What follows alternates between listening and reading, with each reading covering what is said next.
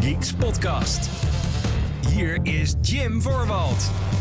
Hallo mede Gaming Geeks, wat leuk dat je luistert naar de Gaming Geeks podcast, de talkshow van GamingGeeks.nl, waarin ik en eh, soms een andere geek je graag bijpraat over alles wat er gaande is in en rondom de gamingindustrie. Ik ben Jim, zoals je weet, tegenover mij zit een man die alles kan, Jeroen Kamal. Hallo, hallo, welkom, welkom, welkom bij de podcast, jongens. Ja, eh, aflevering 180. Ik heb het nog nooit voor elkaar gekregen met darten. Ik ben heel slecht in darten. Ik, eh, Ik heb te weinig gespeeld, dat kan ook. ik heb volgens mij één keer, twee keer triple 20 gegooid, maar dat is geen 180, dat is 120 en dan nog wat. Ik weet En wel- nog wat. Ja, ik weet dat ik eh, vroeger, echt op eh, toen groep 8 of zo heb ik het dan over. Ik weet het, echt, like what the fuck. Maar toen was ik echt fanatiek darter. Toen was ik echt, Oké, ja, met een aantal klasgenootjes bleef ik dan na schooltijd nog altijd even hangen. Want dan hing een dartbord in het klaslokaal en dan gingen we pijltjes gooien. Dat zijn van die Oké. periodes. Ja, ik had ook gewoon naar huis kunnen gaan en kunnen gamen. Maar ja, dat, eh, sociale interactie is soms ook belangrijk. Eh, welkom dus bij de 180ste aflevering van deze podcast. Een goede dartgame is er nooit geweest. Maar dat is misschien omdat de sport, laten we gewoon heel eerlijk zijn, ook een beetje saai is. Maar eh, hè, voordat ik Michael van Gerben op mijn dak krijg. Ehm dit is de 180ste aflevering. Dus de datum van opname is 12 januari 2022. Eh, Jeroen, hoe gaat het met je? Het is al een tijdje geleden dat we deze show samen gedaan hebben. Ja, nee, gaat best prima. Druk op het werk geweest. Ja. Eh, veel veranderd in de wereld, maar niet heus. We zitten nog steeds in dezelfde situaties. Nou, wat dat betreft, eh, hè? Nou, hoe... hoe... ja, het is, eh, er is niet veel veranderd als ik twee jaar terug ga kijken. Maar ach, hè. We, we gaan door, we gaan door. Veel games, veel mogelijkheden voor games. Cyberpunk is ook niet veranderd, hè? Is nog steeds, Helaas, hè. Veel beloftes niet waargemaakt, alweer. nog steeds dezelfde teringzooi. Ja. Ja, toch ook helemaal niet goed van. Ehm, voordat wij eh, proper aan de show beginnen, wil ik natuurlijk eh, mijn huishoudelijke mededeling even doen. Dat is dat je sowieso op, op deze show moet abonneren. Dat kan via je favoriete podcastdienst zoals Apple Podcasts of Spotify. Of waar je eigenlijk hier ook maar naar luistert. Daar kan je op abonneren. En daar kan je ook, eh, zeker als het gaat om Apple en Spotify, kan je ook een rating achterlaten. Een beoordeling. Bij Spotify kan het bijvoorbeeld op dit moment alleen nog in de mobiele app. Wat heel raar is altijd. Die desktopversie van Spotify. Ik weet niet wat ze daarmee gedaan hebben. Maar het is raar. Maar in de, in de eh, mobiele versie kan je in ieder geval naar de, eh, zeg maar de, de hoofdpagina van de Gamer Geeks podcast gaan. En dan kan je sterren achterlaten. Eh, mocht je deze show leuk vinden, dan zou ik zeggen, nou geef ons even lekker vijf sterren. Ehm, dat is altijd beter voor het algoritme en, en de vindbaarheid en noem het maar op. En met dit soort shows is het natuurlijk altijd hoe meer zielen, hoe meer vreugd. Eh, mocht je liever naar onze hoofdjes willen kijken, dan kan dat via youtube.com slash gaminggeeksnl. Daar waar we ook al onze andere videocontent posten natuurlijk. En waar dus een videoversie te vinden is van deze show. Ehm, daarover gesproken, er is een nieuwe video-review, staat online. Eindelijk, ik kan hem eindelijk van mijn checklist afhalen. Metroid Dread. De video-review staat online. Ik, ehm, nou ja, ik wil eigenlijk zeggen wat ik ervan vind, maar dat is zonde. Want Geen spoilers, geen spoilers. Ga je de review? Ik kan er niet kijken. Eh, gewoon even doen. Eh, YouTube.com slash GamingGeekSnel. Ik heb ook vernomen dat Jeppy bezig is aan een videorecensie over Guardians of the Galaxy. Oeh, spannend. Wat, eh, ja, ik ben heel benieuwd. Ik, ik ben die game ook nog steeds een beetje aan het spelen. Ehm, ja, het is nog niet onderdeel van de playlist, maar fuck it, daar zeg ik het maar alvast. Ehm, een leuk spel. Echt heel tof. Echt een van de verrassingen van, eh, van eh, 2021. Ik- dit is zo'n game dat toen die werd aangekondigd. Ik ben echt niet de enige geweest. Toen zaten we allemaal een beetje... Nee, ik weet niet. Dat komt ook door gewoon de zure nasmaak van de Avengers. Ja, ja, klopt. Ja, die Aven- Avengers Assemble. Och, jeetje, ja. Wat een, eh, wat een project was dat, hè? Of is dat nog steeds? Het schijnt dus, trouwens, over Avengers, heb ik me laten vertellen, dat daar gewoon alsnog nieuwe content aan wordt toegevoegd. Dat ze nieuwe characters gaan doen, nieuwe story shit. En Oh, oké. Oh? Oké. Want ja, ik, eh, ik heb contact met iemand die eh, Excel-sheetjes bijhoudt van Avengers. Als in de Oh. game. Ja, dus iemand die zit letterlijk zo diep in dat spel. Die houdt dus Excel-sheetjes bij met wat hij allemaal nog moet doen. Best die hard, moet ik zeggen. Maar goed, dat is, eh, dat is dan zijn keuze. Eh, Excel- ja, maar Excel is ook gewoon ideaal voor lijstjes. Dat is waar, dat is waar, zeker. Eh, dan wil ik toch een- heel kort even een paar kleine nieuwtjes ook jouw richting opgooien, Jeroen. Ehm, Oh, oh. Ja, het is dan niet onderdeel. Ik wil het hier niet super uitgebreid over gaan hebben voordat we weer dikke lange discussies gaan hebben. Allereerst, ehm, vlak voor de opname van deze show kwam er een persbericht bij mij binnen. En dan Oh. is dat Kirby and the Forgotten Land. De nieuwe Kirby game op 25 maart uitkomt voor Nintendo Switch. Dus dat is yay! Althans, Nou, dat is best prima snel. Ik, ik heb zelf nooit echt Kirby games gespeeld. Dus misschien is dit net als met Zelda Breath of the Wild mijn eerste Kirby game. Oh, wat? Wat? Wat? Wat? Wat? Ehm, ja, nee, dit is een game die eh, zowel Jeppie als ik in onze eh, lijst hadden gezet met eh, de games die je moet spelen in 2022. Dat heb ik gehoord. Ik heb die hele podcast geluisterd. Hey, hey, via Spotify. Mhm, Was, was een lange ook, was een lange zit. Eh, maar ehm, ja, nee, eh, eh, ik vind het eigenlijk verrassend vroeg dat die game komt. Want het werd aangekondigd voor de lente. En met de lente wordt toch wel meestal bedoeld het tweede kwartaal van. Nou weet ik niet of 25 maart officieel tot de lente behoort of niet. Weet ik even niet aan mijn hoofd. Maar dit is, is sneller dan gedacht. Dus dat, dat ehm, ziet er wat dat betreft dan weer goed uit voor eventuele andere Nintendo-krakers die we gaan krijgen. Want als ze een van hun vooraf aangekondigde games al in maart gaan uitbrengen. Hmm. Advance Wars. Ja, ik hoop gewoon, eh, ja, dat wilde ik net zeggen. Advance Wars, daar zit ik nog steeds echt op te wachten. Wanneer kwam die ook uit? Want die was uitgesteld. Die was ook uitgesteld naar de lente. Het is altijd lente. Wacht, le- le- le- le- Lente. Lente. Advance Wars Reboot. Zo heet die. Camp. Sorry. Eh, nieuws.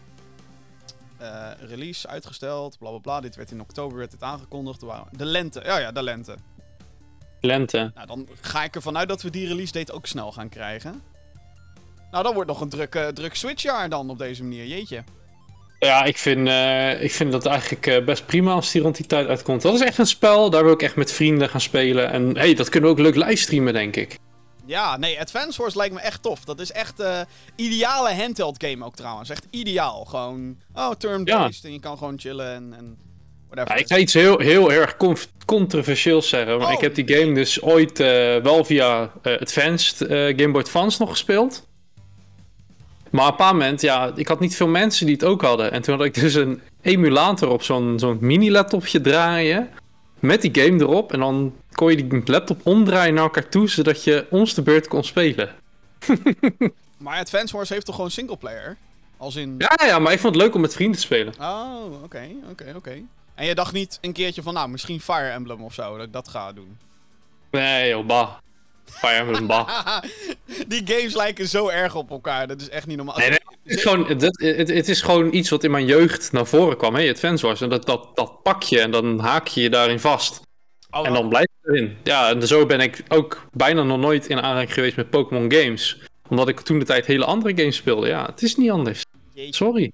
Overigens, voor, voor- voordat iemand gaat ragen, oh, Fire Emblem lijkt helemaal niet op Advance Wars.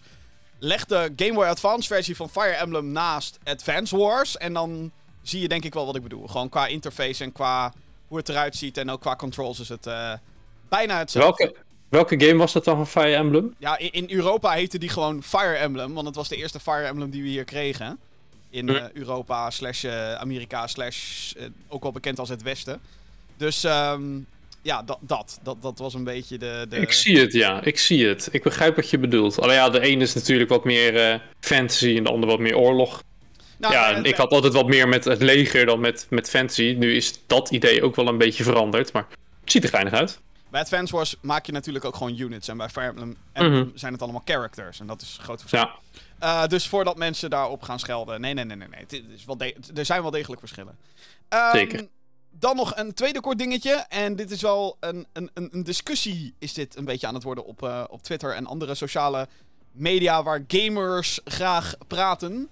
En dat heeft te maken met Dying Light 2. Die komt op 4 februari komt het uit Oh, ja, ja, ja. open world zombie game. En eh, nu vond de marketing van Dying Light het vorige week een goed idee om te tweeten: Hey guys, je hebt 500 uur nodig om Dying Light 2 helemaal uit te spelen. Dat is eh, bijna net zo lang als wandelen van Madrid naar, eh, naar Warschau, de hoofdstad van Polen.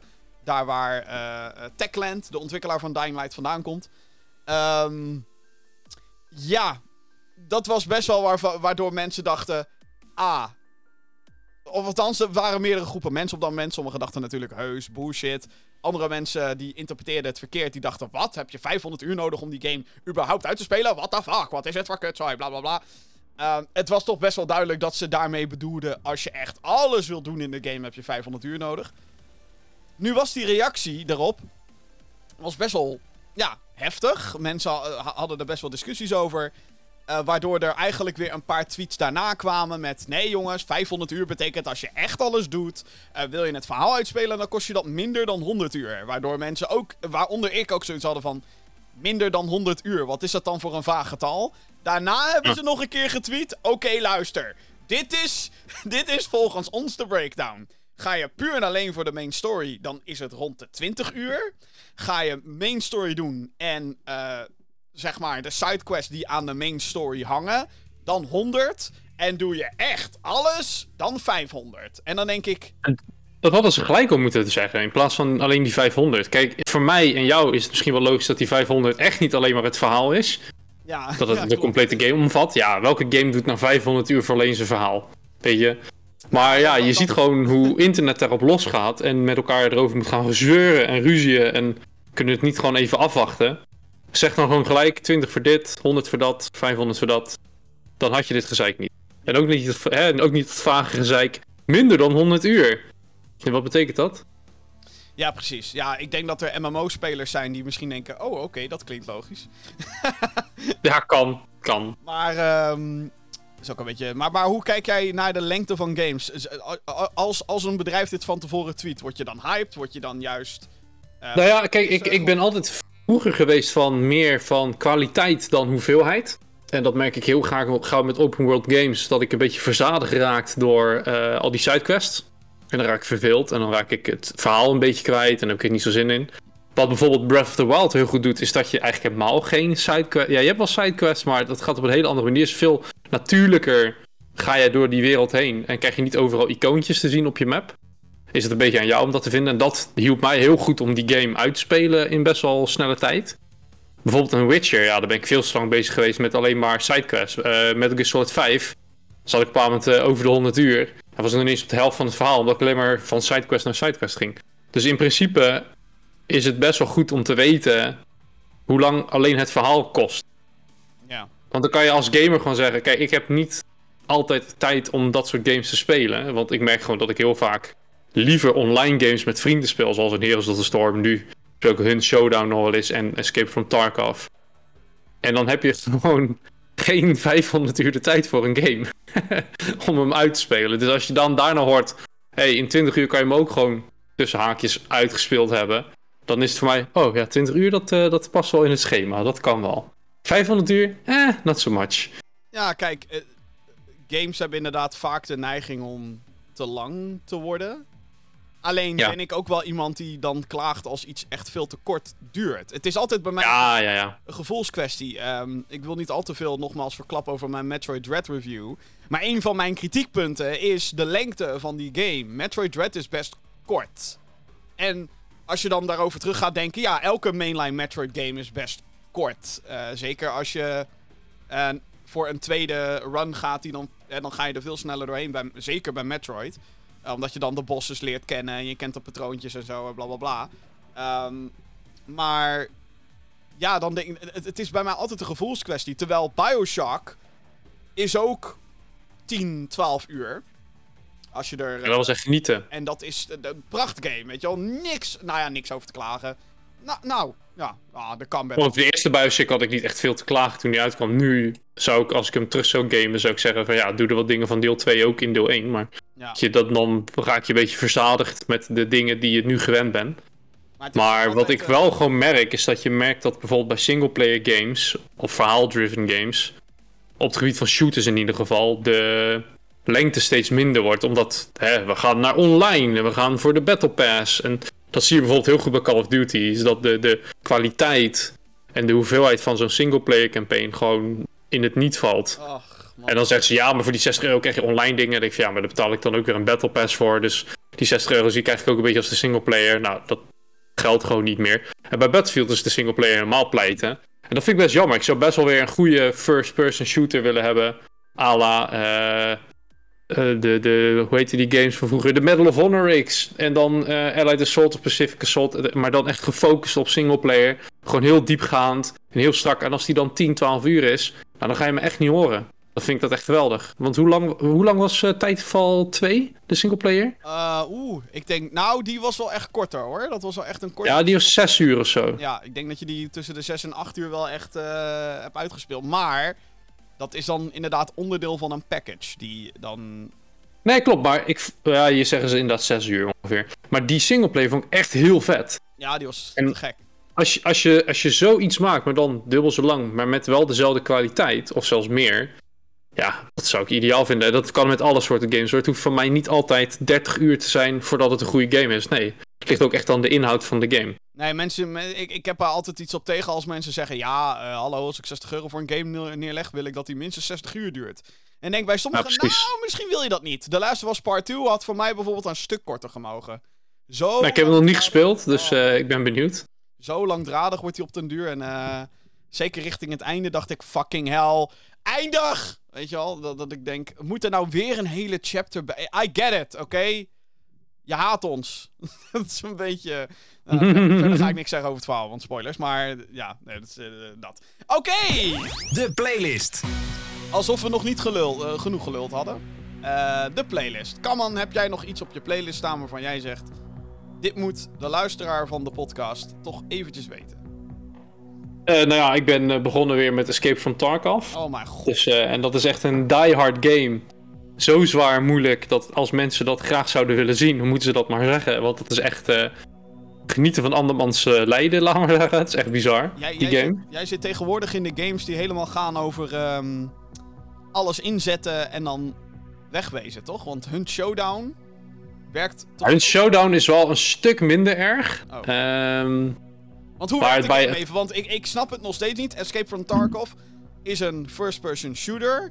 En je hebt ja? allemaal gear en equipment en ammo die je kan verzamelen. Ja. En je kan dan ergens heen. En dan kan je shit ja. verzamelen en dan kan je weg. Of zo, toch? Ja, de, de, het Escape van Tarkov, de levels zijn gewoon raids, laat maar zeggen. Dus je hebt een, een, een map waar je ingaat. En daar heb je allemaal verschillende plekken met goede loot. En die hebben een waarde en daar kan je dingen mee bouwen. Dus je hebt ook een hideout die je kan upgraden. Waardoor jij weer uh, sneller herstelt of sneller money kan maken. En al, nou, heel lang verhaal. Maar inderdaad, je kan dus verschillende wapens, verschillende type ammo, verschillende uh, healing items vinden. Uh, waarmee je dus in je raid wat meer overlevingskansen hebt. En dan ga je weer zoeken naar uh, spullen die weer wat waard zijn. En waarmee je weer wat, wat leuks kan doen. Maar je hebt ook quests. Je hebt ook traders, laten we zeggen, in de game. Waar je level omhoog mee kan gaan. Dus dat ze je aardiger vinden. En dan krijg je daar ook weer leukere loot van die je kan kopen. Maar die geven je ook missies. Dus op het moment dat jij een missie krijgt, moet je in zo'n level bepaalde taken voltooien. En overlevend weer die reet uitkomen. Nou, dat, uh, dat neemt nog wel eens uh, wat zweet uh, met zich mee. Want ja, als jij een andere speler tegenkomt die net even wat betere spullen heeft. En beter is in de game, want het speelt ook wel eens mee. Ja, dan kan het nog wel eens zweten worden hoor. Het is echt wel een stressgame. Het is een van de weinige games waar ik daadwerkelijk van ga zweten in oh. zware situaties. Ja. Nou, en ik heb, uh, ik heb wel eens een livestream dan meegekregen. En dan zie ik mensen echt drie kwartier hun inventory sorteren. En dan denk ik, Jezus Christus, nou, ik ben er nou al klaar mee. ik zou ook zo het geduld uh, Dat kan, dat hoeft niet. Want dat doe ik ook wel als ik uh, even ademruimte heb, laat maar zeggen, tussen matches. Maar in principe kan je gewoon alles ook in die, in die stash pleuren. En dan gewoon verkopen wat je wil verkopen. En dan gewoon weer erin gaan. Het hoeft echt niet zo heel netjes even de, de shit die je mee... Eh, stel, je, ik neem allemaal gekke wapens mee, zo'n raid in. En ik ben doodgeschoten, dan ben ik het kwijt, toch? Ben je alles kwijt. Oh, ja. ja, je hebt er één kleine container en het ligt eraan welke versie van de game je gekocht hebt of hoe ver je al in de game bent. Dan krijg je een iets grotere container en daar kan je spullen in doen die je mee naar buiten neemt, ook al ga je af. Oh. Um, en je kan wapens ook wel verzekeren, om het maar zo te zeggen, en apparatuur die je meeneemt. Maar ja, als het veel waard is, is de kans groot dat iemand hem gewoon van je jat. En dan uh, krijg je het niet meer terug. Oh, ja. Dus de verzekering werkt alleen als je ergens uh, geschoten wordt, mensen niet bij kunnen komen. Of je ook zelf weer worden afgeschoten en mensen weten niet waar je ligt. Ja, die spullen liggen dan nog steeds in dat level. En dan krijg je dan na een uurtje of 24, 10 tot 24 uur krijg je dat terug. Even lekker aan de lijn met uh, Zilveren Kruis als het fout gaat. Even, hè? even Ora. Hè? Even Ora bellen. Of wat was het ook weer? Even Amersfoort. Ja. Even Apeldoorn bellen, dat was hem inderdaad. Amersfoort! Ja, joh, je krijgt, je krijgt alle soorten verzekeraars. Oké, uh, dan wil ik het nog even kort hebben over een game. Deze ga ik denk ik wel reviewen, want ik... Uh, nou, dit is een spel die heb ik uh, een keertje opgestart. eh, staat al weet ik hoe lang in mijn Steam library. En ik dacht eh, vorige week, nou laat ik hem eens opstarten. Inmiddels ben ik 25 uur verder. In de game dan. Niet, niet, niet in real life. Vorige week is langer dan vijf. Nou ja, je snapt me. Ehm, het is een game genaamd Gunfire Reborn. En het is een eh, roguelike. En roguelike houdt in dat als je doodgaat, moet je weer overnieuw beginnen. Of opnieuw beginnen, sorry. Met een, eh, met een run. Eh, er zitten vaak random elementen in, zoals welke vijanden je tegenkomt, de hoeveelheid, welke items je krijgt. Bla bla bla bla. Eh, enkele ehm, populaire voorbeelden zijn Dead Cells, Binding of Isaac, Hades is denk ik een van de meest geprezen roguelikes die we hebben. En terecht ook, want de gameplay daar, daarin is echt teringstrak. Gunfire Reborn is, eh, valt het beste te omschrijven als eh, een roguelike. Dus eh, hè, als je doodgaat overnieuw, of opnieuw. Godsamme, ik moet echt mezelf een keer afleren. Opnieuw. de wapens die je vindt, random. Power-ups die je vindt, random. Verschillende type characters. Maar dan first person dus. En meets Borderlands een beetje. En met Borderlands bedoel ik niet per se de, de humor of wat dan ook. Dan bedoel ik echt meer de, ehm, de stilo van de wapens en hoe deze speelt. Het is zeg maar Die heel grafische stijl ook. erg- Hè? De grafische stijl inderdaad. Ik zie wel wat je bedoelt eh, qua Borderlands. Ja, het heeft hele dikke zwarte randen om elk object heen, zeg maar. Dat maakt het dan een beetje Borderlands. Maar het is vooral de, de gunplay en de, en de manier van reloaden en zo. En de animaties en de gekheid ook qua wapens. De, je hebt eh, verschillende melee wapens en sniper rifles en... eh, dus je kan zelfs kleine draakjes kan je met je meedragen die dan fungeren. De een als een soort remote detonating grenade launcher en de ander als een of andere machinegeweer. En om, om ze te reloaden moet je ze gewoon een klap geven. Althans, dat is dan je reload animatie.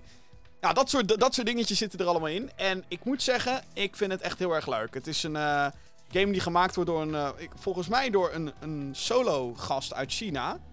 Eh, het heeft ook heel veel eh, Chinese invloeden, dus draken en, en, en mythische wezens uit die cultuur. Ehm, en ja, heel vet, heel tof, heel eh, vooral verslavend en leuk om te spelen.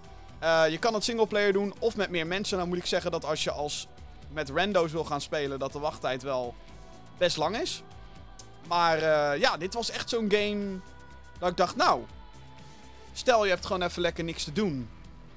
Eh, of je zit gewoon met mensen op Discord, dan is dit heerlijk om eventjes gewoon er, doorheen te knallen. En eh, ja, een beetje, beetje jezelf te vermaken. Ik vind het een hele leuke, hele toffe ehm, aanradertje, wat mij betreft.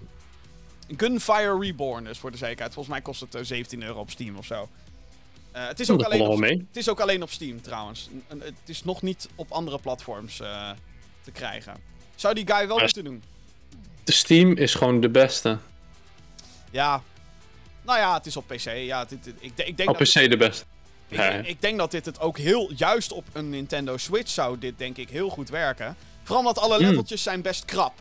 Het zijn niet hele... eh, dat is zeg maar het grote verschil met Borderlands. Het is niet à la Borderlands grote gebieden waar je met auto's doorheen raast. Nee, het zijn wel echt krappe leveltjes. Eh, Hmm. En in eerste instantie had ik ook wel zoiets van: werkt multiplayer dan wel? Het werkt.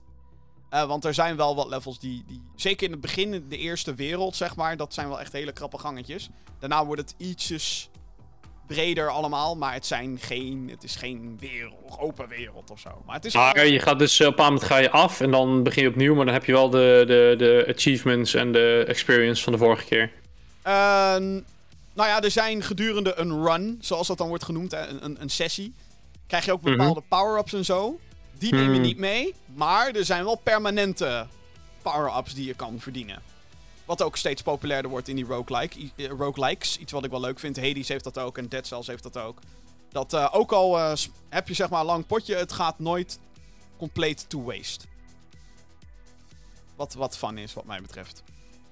Dus, ehm nou, fan van roguelikes. Ik zou zeggen, ga maar aan de Gunfire Reborn. Het is best, eh, best, eh, best leuk. Eh, we, hebben, we hebben het nu over roguelikes. Gewoon even een klein vraagje tussendoor. Ik- Als ik, ik- nog ik- niet bekend ben met het thema ro- roguelike, welke zou jij dan aanraden om dat toch te gaan doen? Hades. Om daarmee Hades, om daarmee aan de aanraking te komen? Oké, oké. Cool, Tenzij cool, je echt fan bent van first-person shooters, dan zou eh, dan zou dit aan zich een goede zijn. Deze is ook best wel casual. Het is niet super moeilijk. De mechanics zijn niet heel erg overdreven lastig of wat dan ook. Ehm, maar dus, er, zijn, er zijn er inmiddels best wel veel natuurlijk. Kijk, Dead Cells als je van 2D actie houdt. Dan, want dat is gewoon basically Metroid meets roguelike. Hades is gewoon fantastisch. Ehm, en je hebt er nog zoveel. Ik moet eigenlijk nog zoveel spelen ook. Maar dat is ook het ding met die roguelikes. Omdat je... Returnal op PlayStation is een roguelike. Mhm, Niet per mhm. se een aanrader als je ermee begint, want die game is fucking moeilijk. maar ehm, dat. Oké, dus Hades of Dead Cells zijn goede beginners. Hades, Hades is wel echt een van de beste ook meteen. Of je nou fan bent van het genre of niet. Want Hades vertelt ook een... Die, die gebruikt het hele roguelike principe ook optimaal voor de setting en het verhaal. Super slim gedaan. Ik, hou- ik, ik hou er zeg maar van als er een goede reden is waarom je continu opnieuw moet. En Hades geeft die reden. En dat vind ik zo vet. Dus eh, Nice. aanraden, aanraden jongens. Zometeen in de Gamer Geeks podcast. Ja, gaan we het daadwerkelijk hebben over nieuws. Nog een grote gaming franchise krijgt een televisieserie. Welke zou dat zijn? En waar moeten we ons op verheugen? Vinden we het wel leuk? Je hoort het zo meteen. Eh, er zijn problemen bij de bedenker van Bioshock. Of althans de creatief director, bla bla bla. Is al een tijdje bezig met een game en gaat niet van een leien dakje. En nieuws over E E3 2022. En het is geen goed nieuws.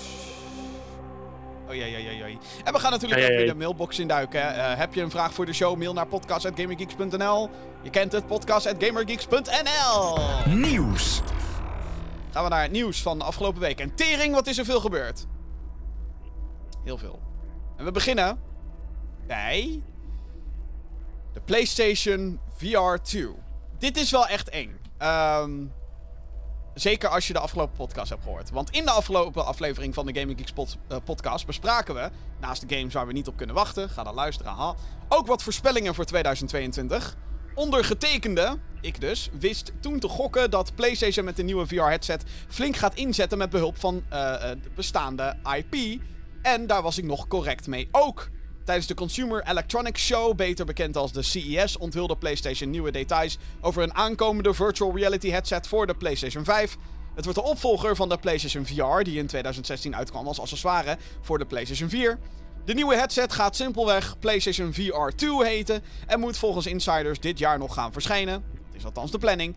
De controllers, die ook draadloos met Bluetooth verbonden worden aan de PS5, hebben ha- haptische feedback. Hap, hap, hap, hap. Adaptive triggers en motion sensing. De, de laatste komt terug in de naam. Die is namelijk onthuld de Sense controller te zijn. Dus de normale PS5 controller heet DualSense. Want die hou je met twee handen beet. En één zo'n ding hou je met één hand beet. Sense. Haha. Makes sense, denk ik. It doesn't make sense. Ah. Hey, hey, hey, waar is mijn lachband? Heel mooi eigenlijk om te zien dat het eigenlijk alweer vijf jaar geleden is dat die VR is uitgekomen, die originele. Ja, dat is best heftig, hè, inderdaad. Als je Het is gewoon, damn. Ja. Het was tijd voor een nieuwe. Ja, verder zijn er wat specificaties van de headset bekendgemaakt. Zo is de resolutie per oogpanel 2000 bij 2040 pixels. En hebben ze een refresh rate van 90 tot 120 hertz. In de unit zitten ook vier camera's en eye-tracking, zodat het apparaat weet waar je bent, hoe je controllers vasthoudt en waar je naartoe kijkt. Daarnaast is er ook vibratie aanwezig in de unit voor extra impulsen tijdens gameplay. Dat is dus op je hoofd, niet ergens anders. De manier, althans tenzij je dat ding... eh, Nou ja, laat maar zitten. De manier hoe de Play- eh, PSVR 2 aan de console verbonden gaat worden... zal met één USB-C-kabel gebeuren. Dit in tegenstelling tot zijn voorganger... waarbij maar liefst meerdere eh, connectors en kabels eraan te pas kwamen. Dat is een hel om zo'n ding aan te sluiten. Eh, voor het spelen met de nieuwe headset zijn dan ook geen camera of andere accessoires benodigd. Behalve dan de controllers met de games die dat nodig hebben. Daarnaast is er meteen een game aangekondigd voor PSVR 2.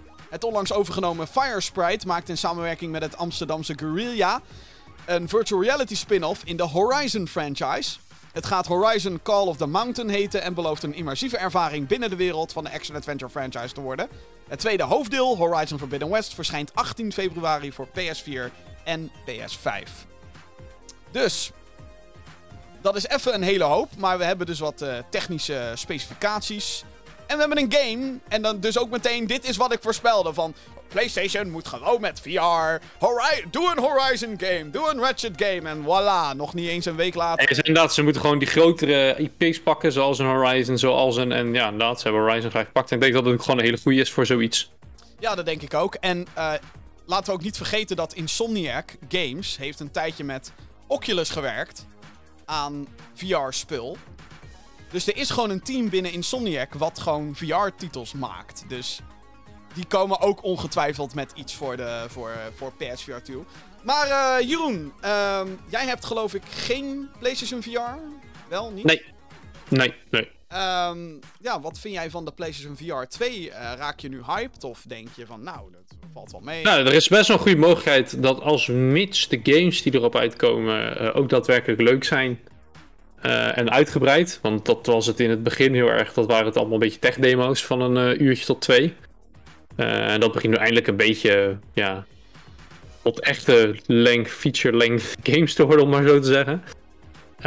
Um, en als ik de specificaties bekijk, ook wel interessant. Alleen wat het gewoon heel belangrijk is met een VR-headset, is dat de framerate van zo'n game ook constant is. Hè, dat die gewoon stabiel tussen de 90 en 120 blijft op het moment dat je schermen dat uh, uh, ondersteunen. Want ga je eronder, dan kunnen mensen die er zeker voor gevoelig voor zijn, maar ook anderen, er misselijk van raken en, en gedesoriënteerd. Ja. Dus het is gewoon heel belangrijk voor die studio's om zo'n game dan zo te maken dat je ook daadwerkelijk die framerates blijft houden. En de PlayStation 5 is in dit geval gewoon best een sterk beestje vergeleken met wat de PlayStation 4 was. En daar konden ze al best wel leuke VR-games op draaien. Dus ik ben gewoon heel erg benieuwd wat ze hier voor, uh, voor uh, zaken voor gaan maken. Ik had iets begrepen dat dat eye-tracking ervoor kan zorgen dat zo'n game alleen rendert waar jij daadwerkelijk naar kijkt. Om dus de details voor je hoger te maken maar ook de framerate daar niet veel, uh, te veel impact in te krijgen. Dus ik ben benieuwd hoe die techniek gaat werken. Ja, en OLED-schermen. En, uh, want dat had ik ook gelezen dat er ook OLED-schermen in gaan zitten Ja, van die zijn, uh, eh, hoeveelheid zijn, pixels. Ja, dat is gewoon ideaal. Dat zorgt er gewoon voor dat zwart echt zwart is. En dat je weinig blooming hebt. Ja, ik heb zelf nooit langdradig met een VR-headset opgezeten. Het lijkt mij nogal uh, pijnlijk om heel lang een scherm in je oog, voor je ogen te hebben. Maar ja, dat heeft natuurlijk ook weer met helderheid te maken, hoe extreem dat is. Dus daar heb ik gewoon geen ervaring mee. Dus ik ben heel erg benieuwd uh, wat ze daarmee gaan doen. Ja, als uh, bezitter en gebruiker dus van een PlayStation VR. Um, dat ding was best heftig. Als in, het was echt een instap. Uh, instap ding voor PlayStation qua VR. En logisch ook, weet je wel. Het was, het was, het was ook de goedkoopste VR-headset op dat moment. Even de PlayStation 4 niet meegerekend, want niemand rekent ook de PC die je moet halen bij, bij, bij een, een andere VR-headset rekenen ze ook niet mee. Uh, dat is nee, correct. Waar, waar Meta of Oculus of whoever the fuck je het wil noemen, nu al een grote stap in heeft gezegd met de Quest um, headsets. Uh, de Quest 2 is, wordt gewoon steeds, ja, st steeds populairder, merk ik ook. Alleen wat uh, hier heel spannend aan is, is juist die Horizon-aankondiging. Waarmee PlayStation eigenlijk zegt: hey, kijk, wij hebben wel grote IP's. Iets wat gewoon heel erg ontbreekt op andere VR-headsets.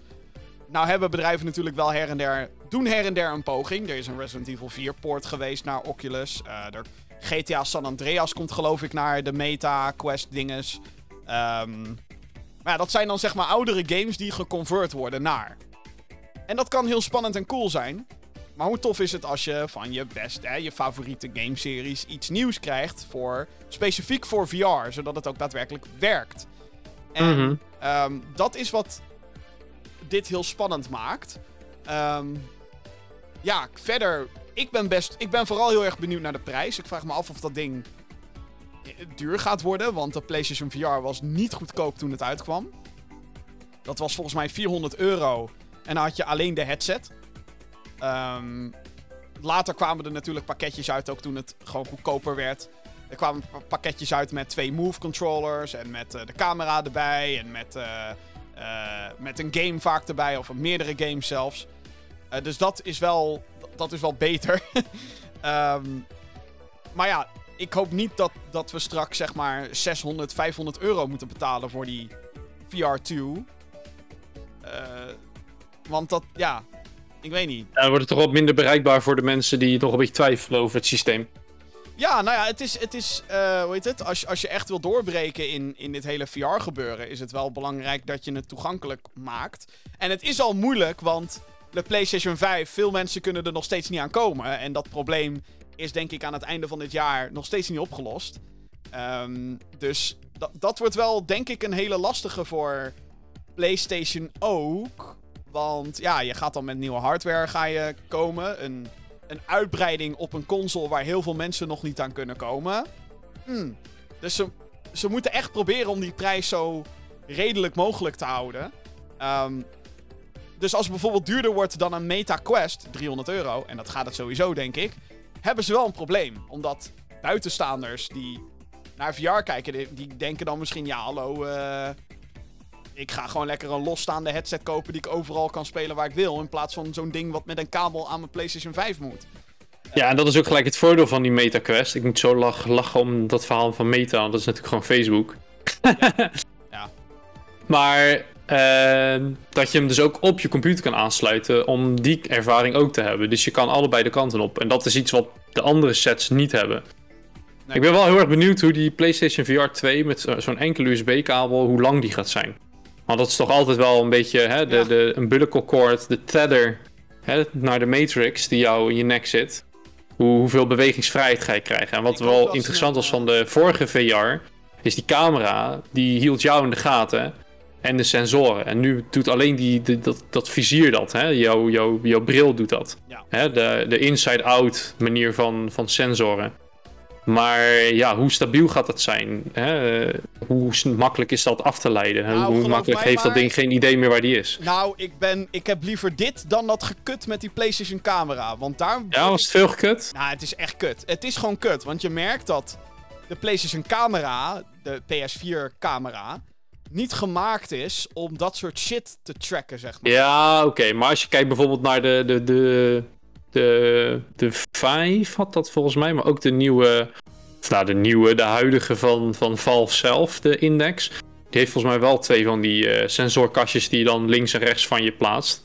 En die schijnen het dan wel weer goed op te pakken. Dus het is gewoon ja, voor mij ook een ervaringsdingetje van ja, hoe stabiel gaat die bril jouw movements eh, zien en Ja, dat- de positie in de kamer onthouden. Dat, dat zeg ik dus. Dus het feit dat de Vive 2 of Index, whatever, twee sensoren heeft, is al veel chiller dan een camera die jouw hele beweging correct. moet, Correct. moet gaan eh, tracken, zeg maar. Dus het is.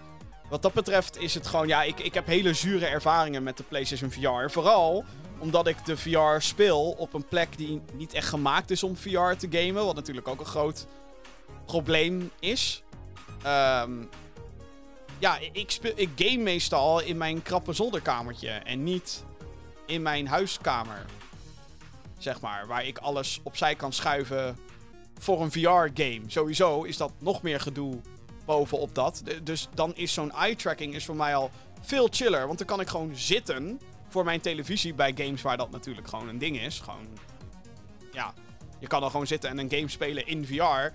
Dat was voor mij al vaak te veel gedoe in mijn huidige setup. Omdat, ja, de camera probeert te tracken en dan zit er een kast in de weg. En dan daar kan die camera natuurlijk niet langs kijken. En dan...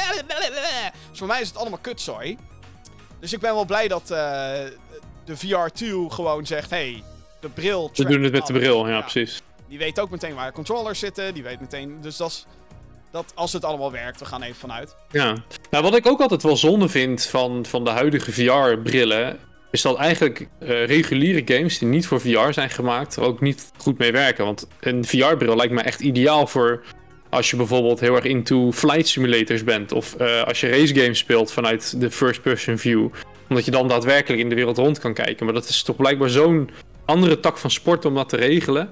En ook qua resolutie en, en kracht van zo'n apparaat maakt dat het een stuk lastiger. Dat ik juist dan weer denk van, hé, hey, dan zijn eh, van die super resolution taferelen van bijvoorbeeld Nvidia eh, met zijn DLSS heel erg interessant. Want dan halveer je gewoon wat hij daadwerkelijk moet renderen en de rest wordt via AI gedaan. En op zo'n bril merk je dat niet zo. En daardoor blijft hij lekker stabiel. Dus ik ben ook echt heel erg benieuwd eh, wat voor technieken Sony gaat toepassen. Om, of de, de studio's die de games gaan maken, om even net even dat stapje verder te doen, maar wel in die, die framerate te blijven. En ja, misschien ook andere leuke ervaringen te gaan maken voor zo'n headset. Nou ja, bij mij, kijk, bij de PlayStation VR, het grootste. Even los van al het gekut wat ik net noemde, maar een van de grootste nadelen was ook gewoon de resolutie van Ja, ogen. Het was iets van 500p, geloof ik. Nou, dat. dat, dat het, per oog? Ja, nee, het is echt vermoeiend om naar een PlayStation VR game te kijken. Omdat het gewoon niet... Ja, het is, het is, niet, het is niet scherp.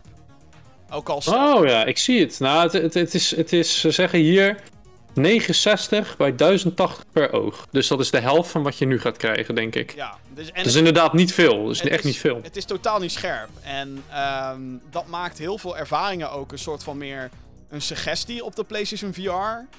In tegenstelling tot wat je natuurlijk wil. En dat is dat je details kan zien. En dat je helemaal. Oh, eh, de, de meest simpele games werken daarom nu het beste op VR. Omdat, ja, Beat Saber zijn gekleurde vlakken waar je naar kijkt. En dat werkt. Mhm. Dat werkt heel goed.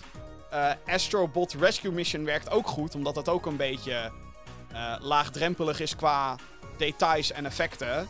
En gewoon, hé, hey, je kan rondkijken in deze 3D-platformen. En dat is vet, weet je wel, dat, dat is cool. Maar ja, een Half-Life Alex zou nooit werken op de originele PlayStation VR. Denk Nee. ik, althans niet lekker.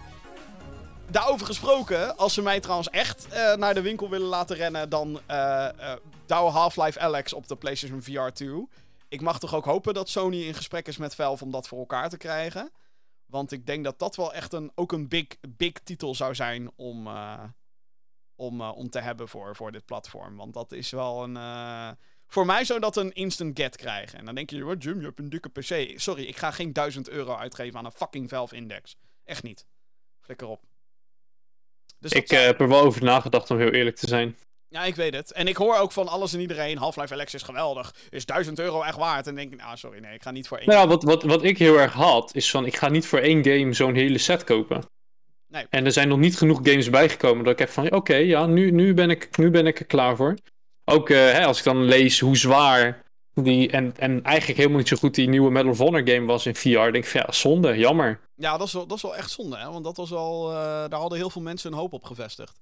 En Ja. waar ik me ook nog zorgen over maak, want dit is namelijk iets waar Sony heel erg stil over is. Backwards compatibility, dames en heren. Eh, het is nog niet echt duidelijk of de nieuwe PlayStation VR de PlayStation VR games van de eerste VR-headset kan spelen. Ik mag Mm. toch verdomme hopen dat dat wel zo is. Eh, ten eerste omdat je dan, zeker als er patches kunnen uitkomen waarbij die games op hoge resoluties draaien, dat dat dan, een dat is- fucking gruwelijk. Want dan heb je meteen een hele VR-library.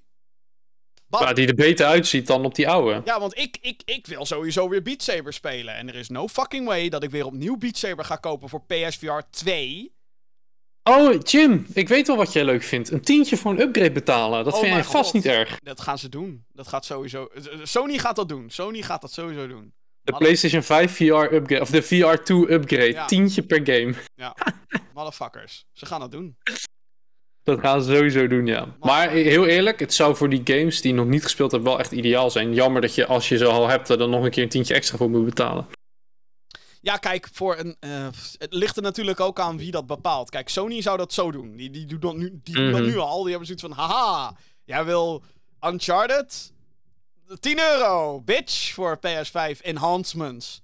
Dus dat zou hier zo, zeker ook wel een ding voor hun zijn. Of dat voor andere partijen zo is, is natuurlijk niet zo. Ik denk dat de gasten achter Beat Saber, die... Oh wel, die zijn inmiddels overgekocht ook door Oculus. Waarom zouden jullie dat doen, motherfuckers? Ehm, maar Geld. Ja, die. die eh, hmm.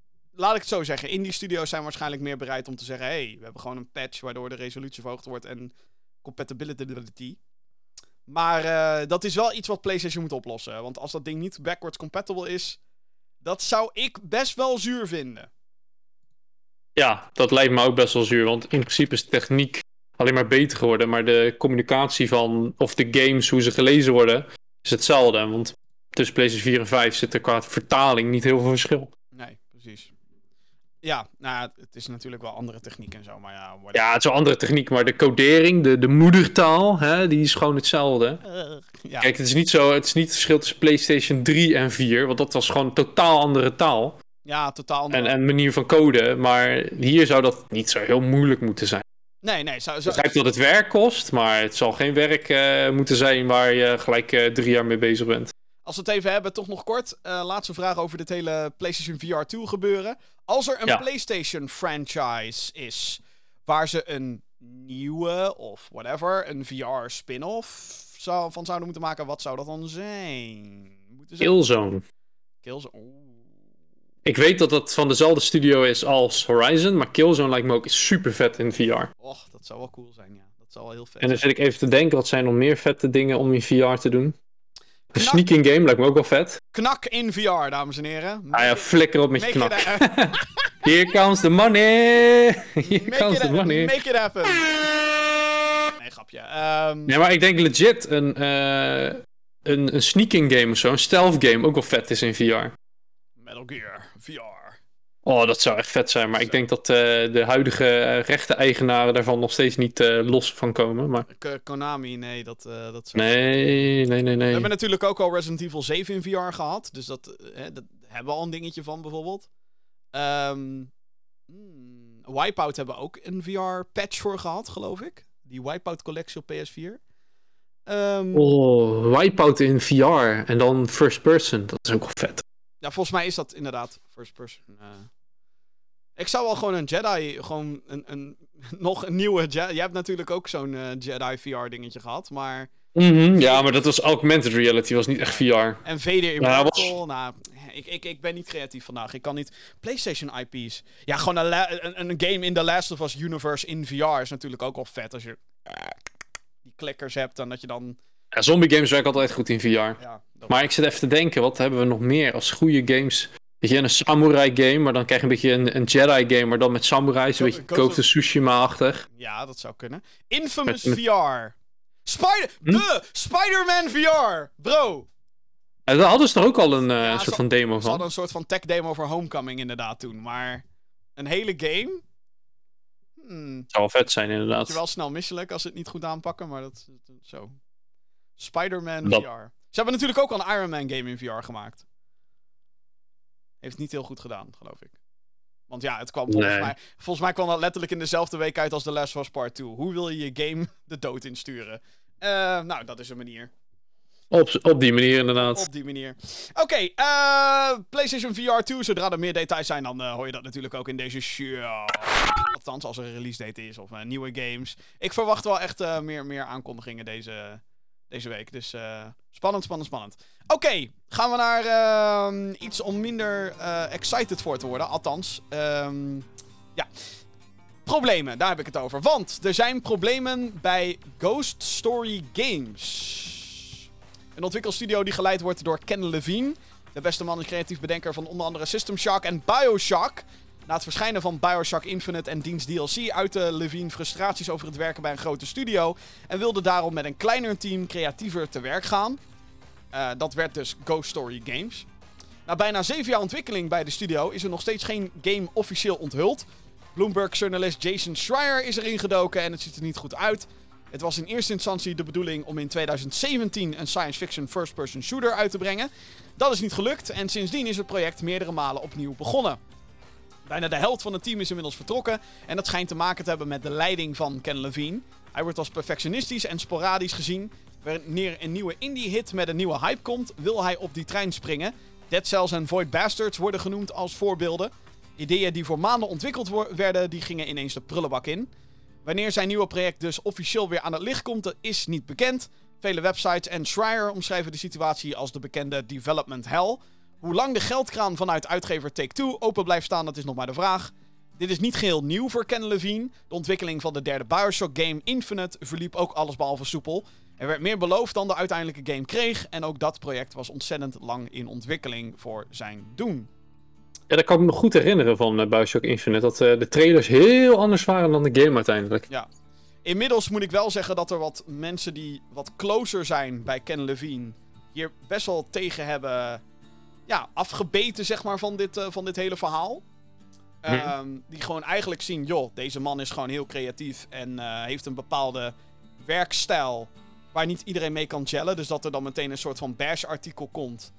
Nou, dat vinden sommige mensen heel erg overdreven. Eh laten we Mhm, dus wel mhm. uitgaan, dit is gewoon een artikel van Bloomberg. Ehm, maar ja, het, het, het, het, het levert voor mij dan wel weer een beetje de vraag op... Goh, hoe lang kan een studio inderdaad met een, met een project bezig zijn? En is het überhaupt wel verstandig dat deze man een soort van vrij baan heeft gekregen? Op het moment dat je dat doet, hè, kan het zomaar heel erg lang duren voordat iets uitkomt. En dan komt er ook op een gegeven moment niet iets. Want dat is ook gewoon de reden waarom uiteindelijk we de Bioshock Infinite kregen die we hebben gekregen. Want dat was inderdaad alles behalve wat er in eerste instantie geteased werd. En wat Ken Levine waarschijnlijk wilde maken, denk ik. Ik weet niet. Het is. ehm Ja, wat, wat, wat, vind jij er allemaal van? Ja, weet je, het is. Er zit altijd een kern van waarheid in zo'n verhaal. Hè? De waarheid ligt in het midden. Dus dit verhaal is misschien een extreme kant negatief. En zijn vrienden of bekennissen die zijn extreem positief. Eh, en er ligt de waarheid in het midden. Dus dat, dat hij moeilijk is om mee te werken. En dat hij zich door trends van andere indie games heeft laten leiden. Dat kan ik best geloven. En dat is natuurlijk zonde. Want als jij zo creatief bent, dan kan jij best zelf eh, dingen bedenken. En als je je dan laat inspireren door dat soort games en daardoor dingen aanpast, dat is prima. Maar om dan allemaal dingen weer in de prullenbak te gooien, lijkt mij een hele erg eh, ja, zonde van je tijdshow, om het maar zo te noemen. Ehm, ja, weet je, de, de Bioshock games vond ik altijd heel goed van zijn kant. Ik weet, ben eigenlijk niet zo goed bekend met, met, met System Shock en andere games van hem. En zeven jaar voor ontwikkelen van een game vind ik op zich niet extreem als je totaal iets van scratch maakt. Maar ja, als je dan na zeven jaar nog steeds niks hebt om te tonen aan bijvoorbeeld Take-Two of aan hè, wij als gamers. Ja, dat is toch best wel een dingetje. Kijk, weet je, we hebben gezien hoe uh, Cyberpunk uiteindelijk geëindigd is. Dus ja, dat maakt het voor dit verhaal ook niet uh, heel erg uh, positief. Nou ja, de, de discussie online is ook vooral geworden van wat is dan exact development hell? Mm -hmm. Uh, development hell wordt, is meestal een term die gebruikt wordt wanneer ontwikkeling gewoon weg vastloopt. En Ja. het niet doorgaat. En juist die vrienden van Levine, die ook met hem hebben gesproken en zo, die zeggen dus juist van nou, luister, ze zitten niet per se vast. Het is gewoon dat ze continu opnieuw beginnen. en dan denk ik, ja, maar is dat dan niet een beetje hetzelfde? Uh, Ja, dat is hetzelfde. Dat vind ik hetzelfde. Want je, je eindigt eigenlijk op een dood spoor. Hè, de trein kan niet verder.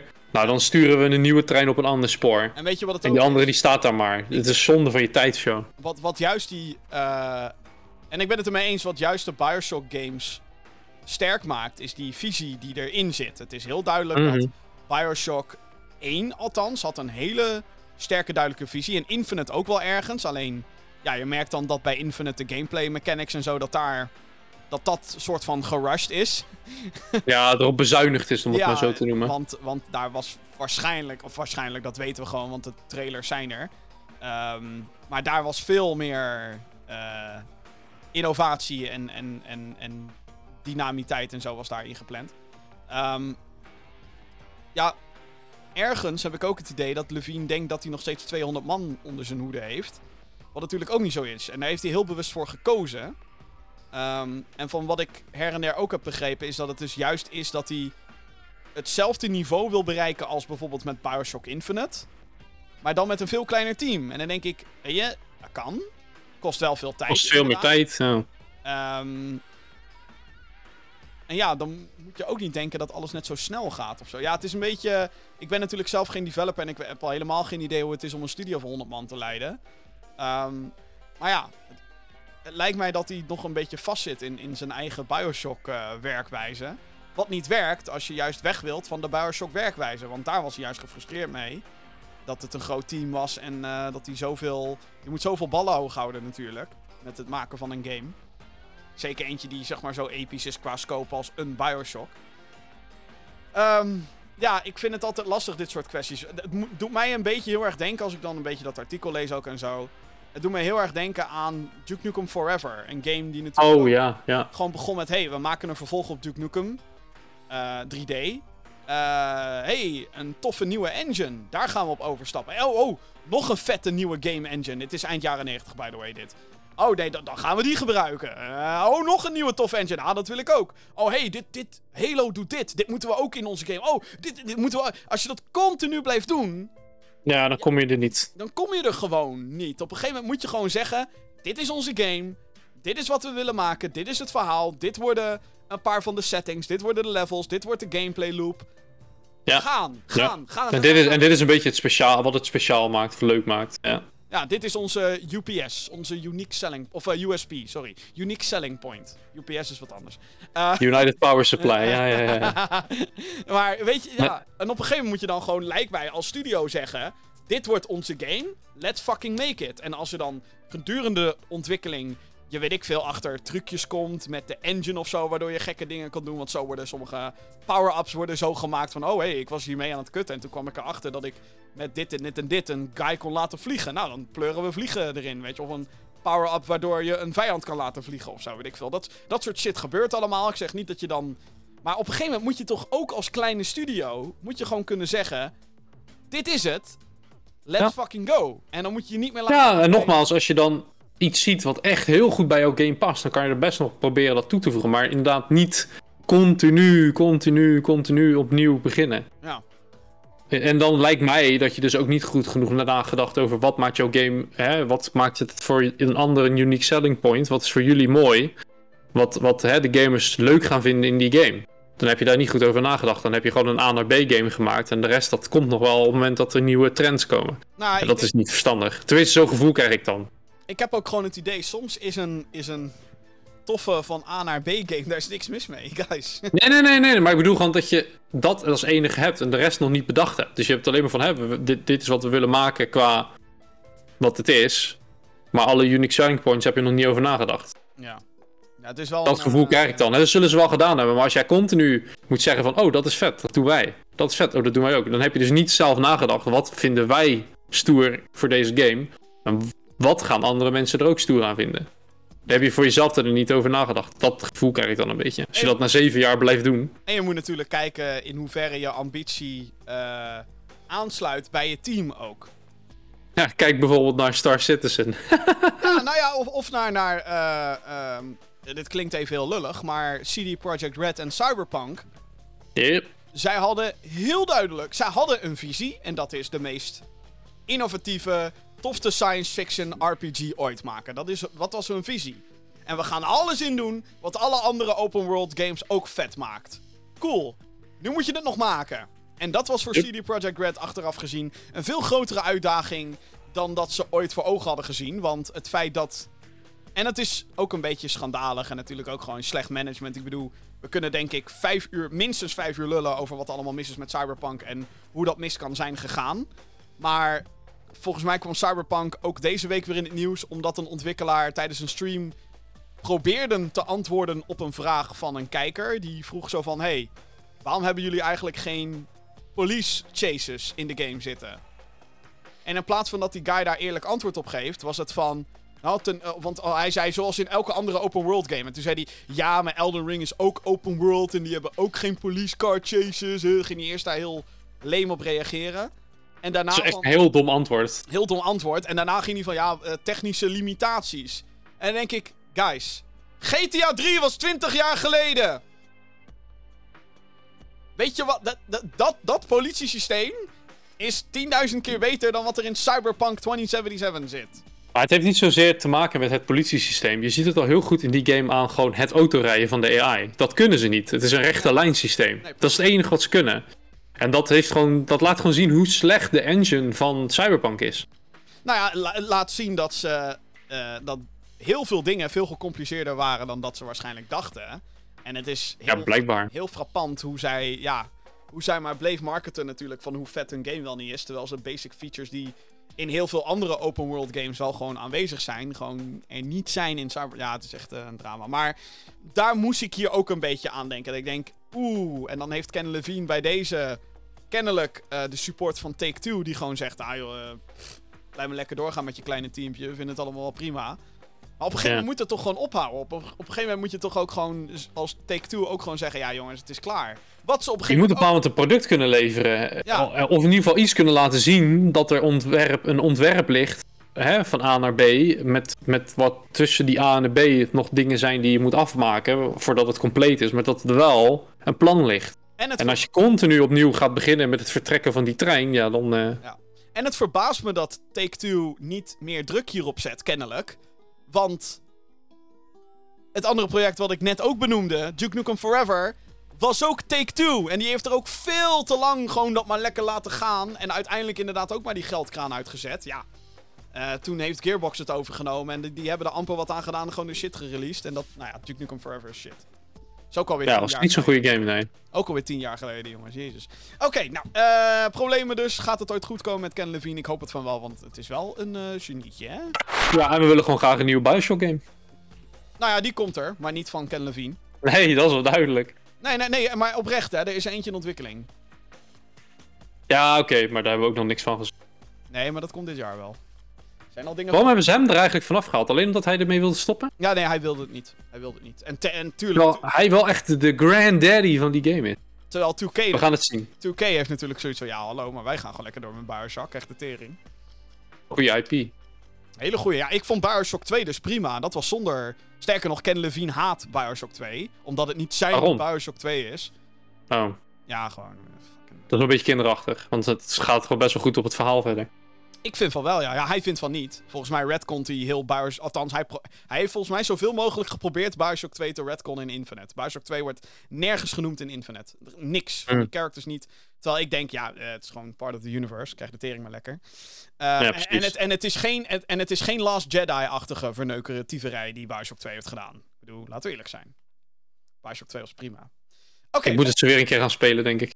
ik ga, nou sowieso, als die volgende wordt aangekondigd, en dat gaat, als we de rumors mogen geloven, gaat het ergens dit kwartaal gebeuren. Dan wordt hij officieel onthuld, Bioshock Isolation. Ik, eh, ik ga weer replay hoor. Eh, ik zet die stream aan en ik ga weer spelen. Dat is echt, eh oh, Bioshock is zo goed jongens. Anyway, volgende nieuwtje. We gaan het hebben over televisieseries, Jeroen, want dat zijn games. Er komt een. het heeft te maken met games. Er komt een Fallout televisieserie naar Amazon Prime Video. Zoals afgelopen week bekendgemaakt. Dit jaar gaat het eerste seizoen in productie. Namen achter Westworld eh, zijn executive producers. Schrijvers achter de film Captain Marvel. eh, en eh, series die Office en Silicon Valley worden showrunners. Wanneer de serie daadwerkelijk te streamen moet gaan zijn, dat is onbekend. Een verhaal, synopsis en cast, daar is ook nog niets over losgelaten. Andere videogameproducties die eraan zitten te komen zijn onder andere een Cyberpunk 2077 anime genaamd Edge Runners op Netflix, The Last of Us op HBO Max, een Twisted Metal serie met Anthony Mackie, eh, Falcon uit de MCU, eh, Halo op Paramount Plus en een Assassin's Creed serie op Netflix. In februari moet de Uncharted film met Tom Holland en Mark Wahlberg in hoofdrollen gaan verschijnen in de bioscoop. Dus. Ja, eh, weet je, ik zie een Fallout televisieserie niet zo succesvol zijn. Gewoon omdat, ja, ze zien, oh hey, gameseries, die doen het best wel goed. Laten wij het ook maar eens gaan proberen. Zo'n gevoel krijg ik hierbij. En het is leuk dat ze grote namen als executive producers hebben van hè, de Westworld-series en van de film Captain Marvel. Maar was het verhaal van Captain Marvel zo heel erg goed? Nee. Dus dat heb ik al een beetje van, hè, hè, de Office en Silicon Valley worden showrunners. Ja, leuk. Eh, mm. Leuk dat je dat soort dingen noemt, maar als je dat, hè, dat is een beetje een koning die zichzelf koning moet noemen, is geen koning. dus ik heb hier ook al een beetje bij van. Ja, leuk, leuk dat je dat vertelt, maar je laat niks anders weten. Waarom moet er nou weer een Fallout-serie komen? Hè, kom maar eerst weer eens met een goede Fallout-game. Ja. Nou ja, ik, Ja, ja, ja. Ik voel niet zo'n hype. ik zie de potentie wel in een Fallout-serie. Want hey, de, de, het universum van Fallout is gewoon tering interessant. Eh, Oké, oké, oké, oké. Maar ik heb, ik heb jou bijvoorbeeld in, in onze Discord, onze Game Geeks Discord, een keer zien discussiëren over het nieuwe seizoen van, ehm, of het, de serie The Book of Boba Fett. Ja, Hè? The Book of Fett. de Book of Vet. En daar zie ik jou een paar dingen noemen, maar hè, we gaan niks spoilen. Maar waar ik op zich wel deels met jou eens ben, van ja, waarom, waarom hè, iets wat wij kennen opeens een andere mening of een andere gevoel aan ons geven. En hierbij heb ik dat ook een beetje. Dat ik bang ben dat ze hier dingen gaan doen die helemaal niet nodig zijn. Hè, uitleg die we niet nodig hebben. En er zijn heel veel zaken die ze kunnen doen met deze serie.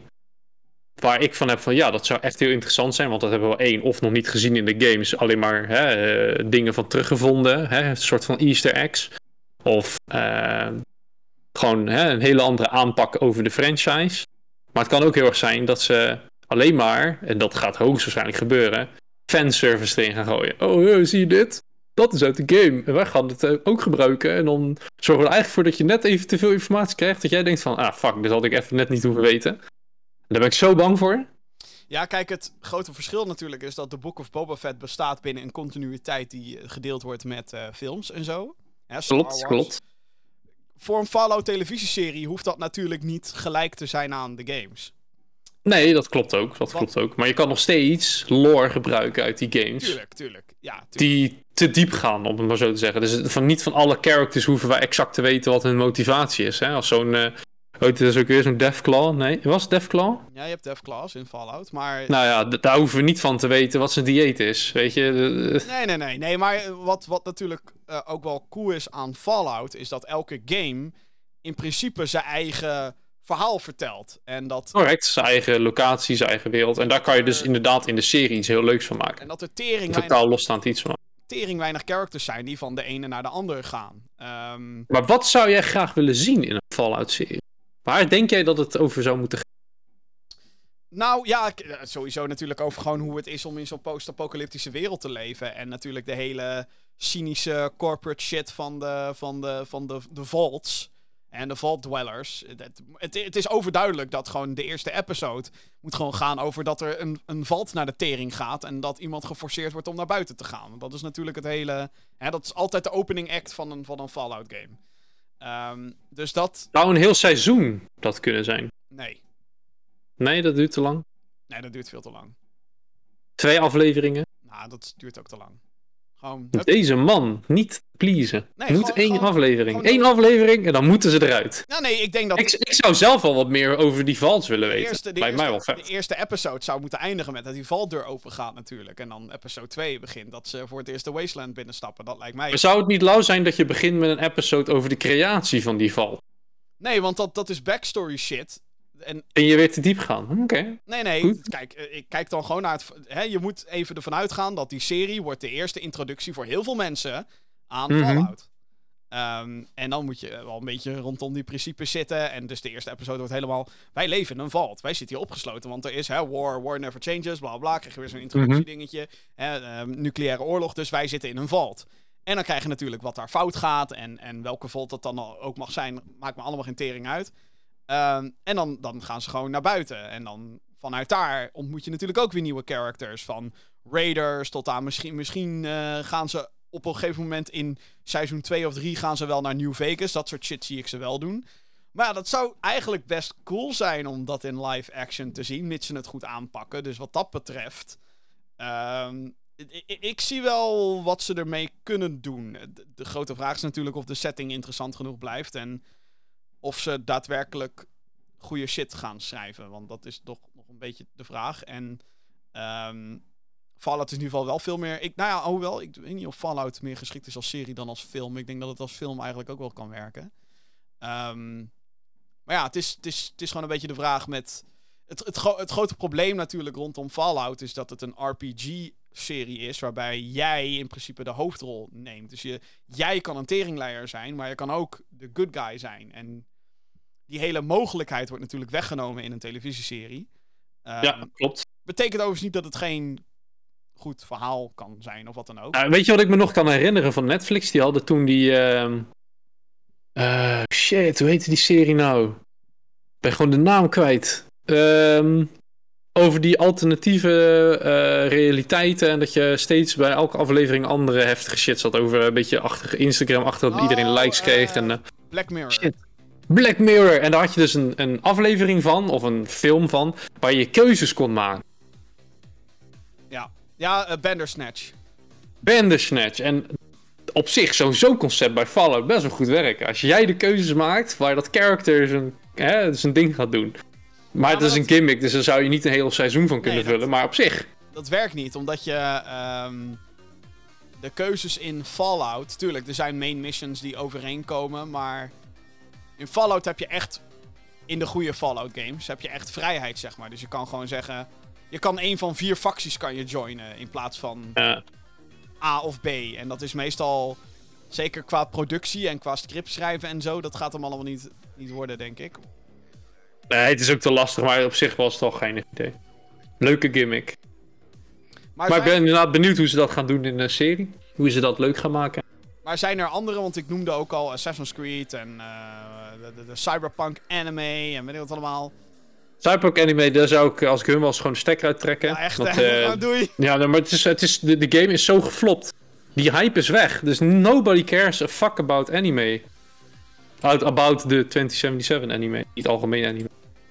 Maar ja, dus ik heb zo van, waarom zou je daar nog tijd en moeite in steken? Ja, misschien zijn ze al te ver om te zeggen, we trekken het eruit. Dat is weer zonde van het geld, eens. Maar weet je, de naam Cyberpunk is niet meer zo hype als dat het was. Uh, Last of Us. Ja. Ja. In de game heel vet hoor. De game is echt heel vet. Maar om dat nou Ja. te maken... Hè, ik krijg een beetje, een beetje Ja, ja, flashbacks naar The Walking Dead, laat maar zeggen. ja. Dus ja, wat, wat moet ik daar nou van vinden dat er een serie van de Last of Us komt? De Uncharted film. Ja. Ja. Ja, je, als Uncharted film een andere naam had gehad, was die wel vet geweest. India, Young Indiana Jones, starring Tom Ook niet eens, al was het een hele andere IP geweest. Gewoon het, de, de, de actie lijkt me best vet. Het, het, het Tomb Raider aspect, laten we zeggen. De tombes zoeken en het goud zoeken. Een beetje à la de, de, de National Treasure films. Prima. Had een andere naam gegeven. Nu, ja, Tom Holland. Best prima acteur. Maar waarom moet hij nou weer Nathan Drake zijn? Het erg is, is dat Mark Wahlberg in de posters er meer uitziet dan Nathan Drake. Dan fucking Ja. Tom Holland. Gewoon, what the fuck. Maar gaat dit, dan, gaat dit dan een soort van prequel zijn? Dat dit de jonge jaren van Nathan Drake Nou, is? het is en wel dan... overduidelijk. Ja, Tom Holland speelt wel een jongere. Ze spelen een Ja, jongere oké. versies, maar het, het, het, is, het zit niet in de. Maar deze, deze filmwereld heeft niks te maken Nee. met de gamewereld dan? nee, nee, denk nee, nee, nee, nee, nee. Nee, precies. Dus waarom ze die keuze hebben gemaakt, dat begrijp ik gewoon niet helemaal. Nou, ik wel, want het is natuurlijk gewoon een ander product. En dat gaat ook met die Fallout-serie gaat dat ook hetzelfde zijn. Het gaat niet Ja, in de continuïteit afspelen van de videogames. Iets wat sowieso Bethesda een beetje heeft lopen verneuken met Fallout 76. Want facties en mensen komen al op, terwijl dat nog helemaal niet kan, volgens de Fallout-tijdlijn. Die Mm. er is, zeg maar. Qua, hey, toen werd de Brotherhood of Steel opgericht, bla bla bla bla. Dat klopt allemaal niet in Fallout 76. Shit! Ja, Maar goed, whatever. Daar, daar kunnen we dan denk ik wel overheen kijken. Maar ehm, nee, ik denk dat we van alle televisieseries er een soort van vanuit moeten gaan dat het een aparte continuïteit is. En geen... Ja, ja. Geen whatever. Ja. Dus, dus, dus ja, maar ook bijvoorbeeld bij Uncharted. Ja, weet je, eh, het ding wat je altijd hebt, eh, wij als de gamers die deze games gespeeld hebben, die weten de lore, die weten wat zoiets draait. En als dat dan niet met elkaar connect, of het op een, op een hele rare manier uitgelegd, niet in een, op een natuurlijke manier wordt het duidelijk gemaakt wat de drijfveer van, in die wereld is van mensen. Ja, dan krijg je gewoon een, ook met de, de mainstream kijker, gewoon een disconnect. Nou ja, dat zou is, bijna, eh, dit is weet je, dat doen ze bijvoorbeeld bij The Witcher, doen ze het heel goed, hoe ze de serie eh, laten kennismaken met de kijker en vice versa. Je ziet al gelijk de eerste scène, geen spoilers, wie de Witcher is, zonder dat, die, dat je details zit. Je ziet gelijk wat hij doet. Je ziet zijn werk. En dat is heel goed gedaan. Weinig uitleg, gewoon dit is een Witcher, dit is wat hij doet. En door de serie heen zie je meer. Nou, vind ik leuk. momentje- Maar hierbij ben ik gewoon heel erg bang van, nou, er gaan echt rare, rare manieren komen om...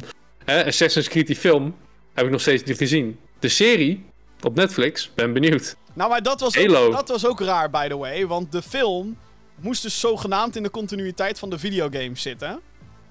Echt waar? Ja, nou kwam in Odyssey, geloof ik. Of Origins, een van die twee. Zat een dikke reference naar gebeurtenissen in de film.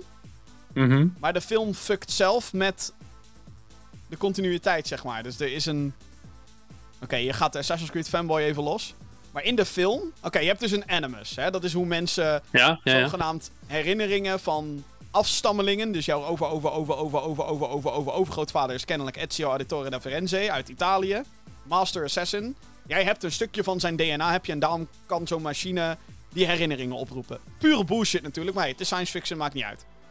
In de games is het al lang established dat ze gewoon een soort van tafel hebben met een soort van VR-bril, waardoor je die herinneringen meemaakt. En dat bloed neer, zeg maar, dat bepaalde effecten krijg jij ook mee. Dus je leert klimmen en dat soort shit, omdat je die herinneringen meemaakt. De bleeding effect, whatever. Wordt allemaal established. In de games.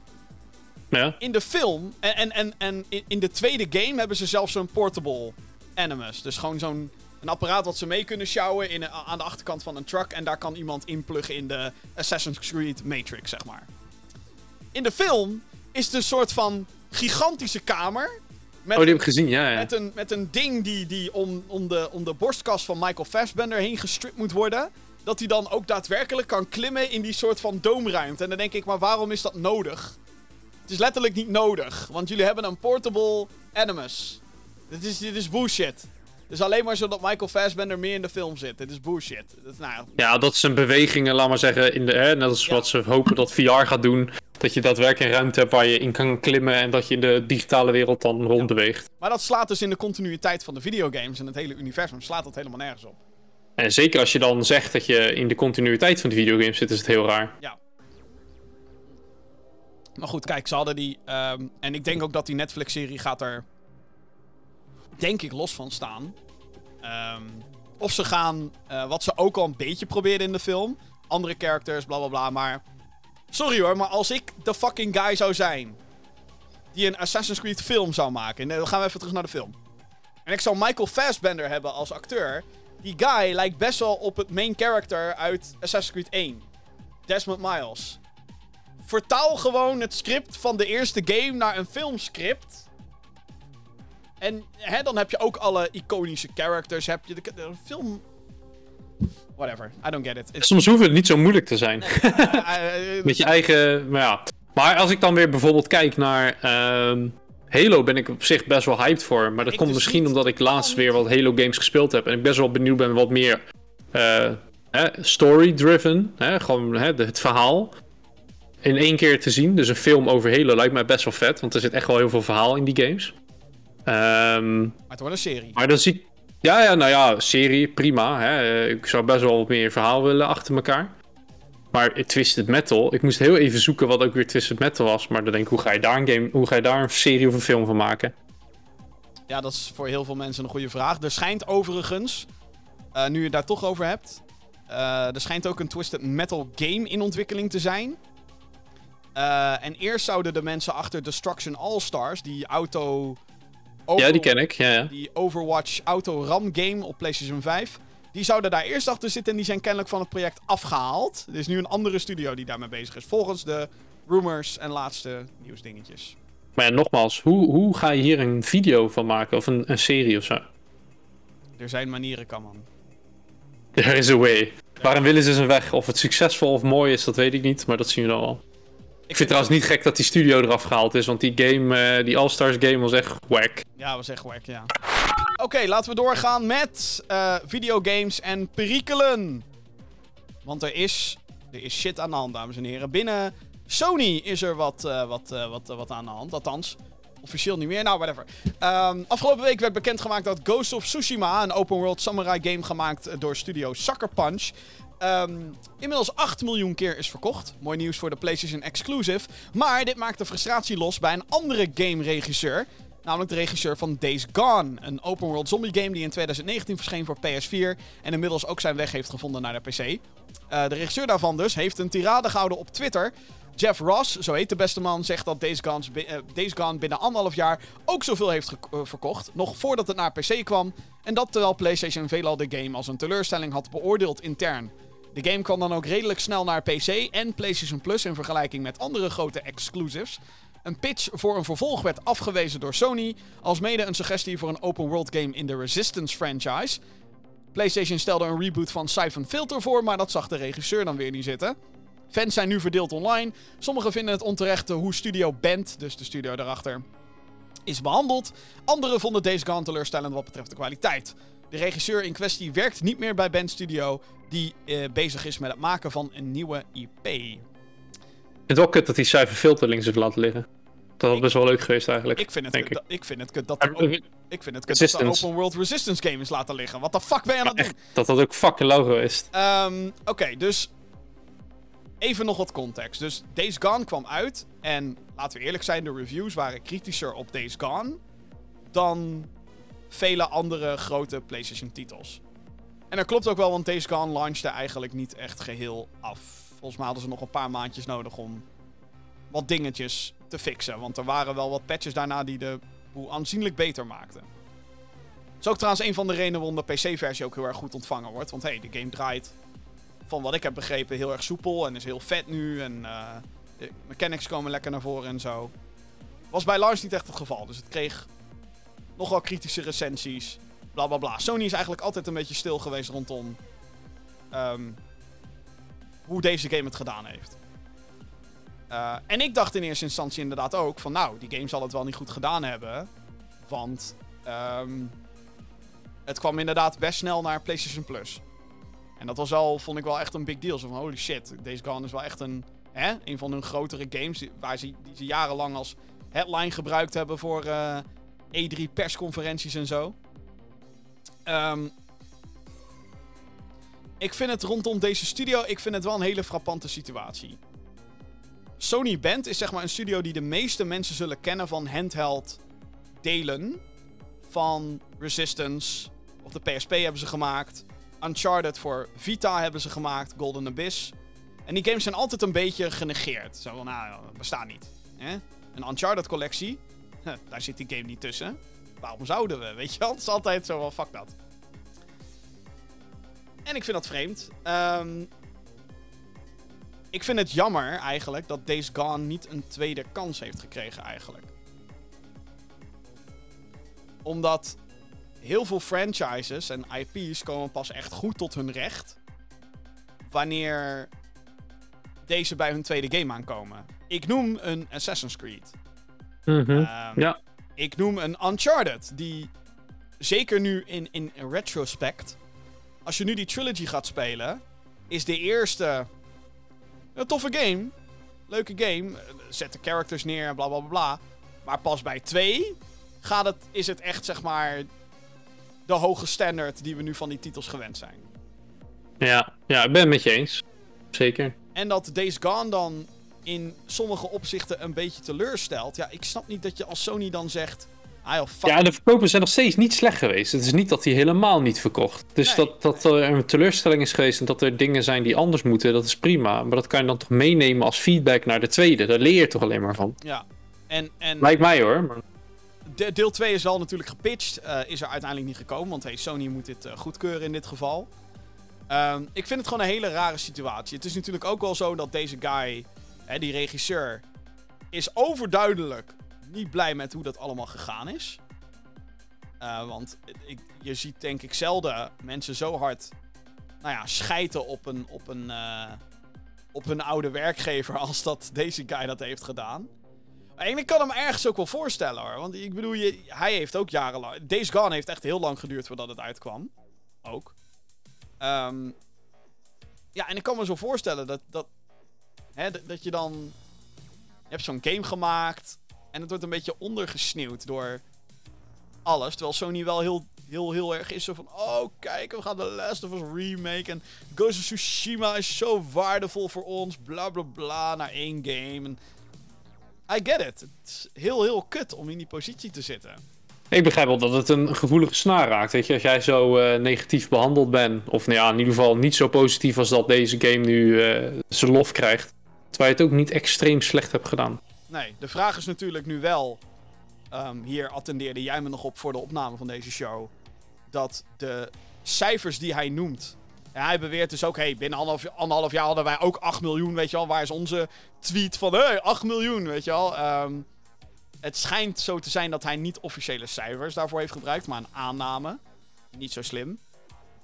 Ehm, maar het is wel zo dat Days Gone op de Steam topsellerlijst een paar keer heeft gestaan ook. Dus op PC heeft die game het wel eh, eh, goed gedaan. Eh, concrete cijfers hebben we niet. En.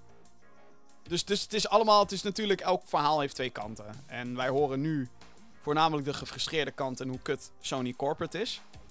Het is natuurlijk wel zo dat, wat ik al zei, Band altijd een beetje op de achtergrond heeft gestaan. En dit hun grote. Ja, dan kan ik best wel begrijpen dat je je een beetje gepasseerd voelt. Ja. Zeker als dan een andere game die eh, rond, de, nou, rond dezelfde tijd. Nee, dat is niet helemaal waar. Maar in ieder geval hè, uitkomt en dan opeens wel die lof krijgt. Nou, wat, wat denk ik. ehm, en daar, daar- ja, daar kan Sony Band eigenlijk heel weinig aan doen. Maar wat natuurlijk een beetje kut is, is dat je. eh, zeker in die tijdsgeest dat toen Days Gone uitkwam. Days Gone ziet er qua sfeer en qua setting en überhaupt post-apocalyptisch zombie. En dan heb je ook The Last of Us. En dat is natuurlijk wel wat ze een beetje eh, tegengewerkt heeft. En als je als Sony moet kiezen tussen Days Gone of The Last of Us, ja, de. Dan gaat je keuze natuurlijk naar The Last of Us. Dat snap ik zelf ook wel. Maar ja, dat- ja. Ik zou bijna zeggen, laat Days Gone in dezelfde universe bestaan als The Last of Us.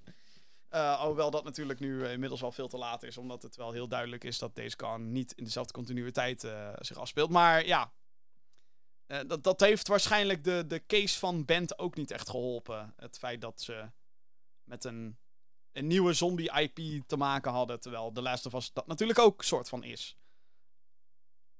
Dus. Oh.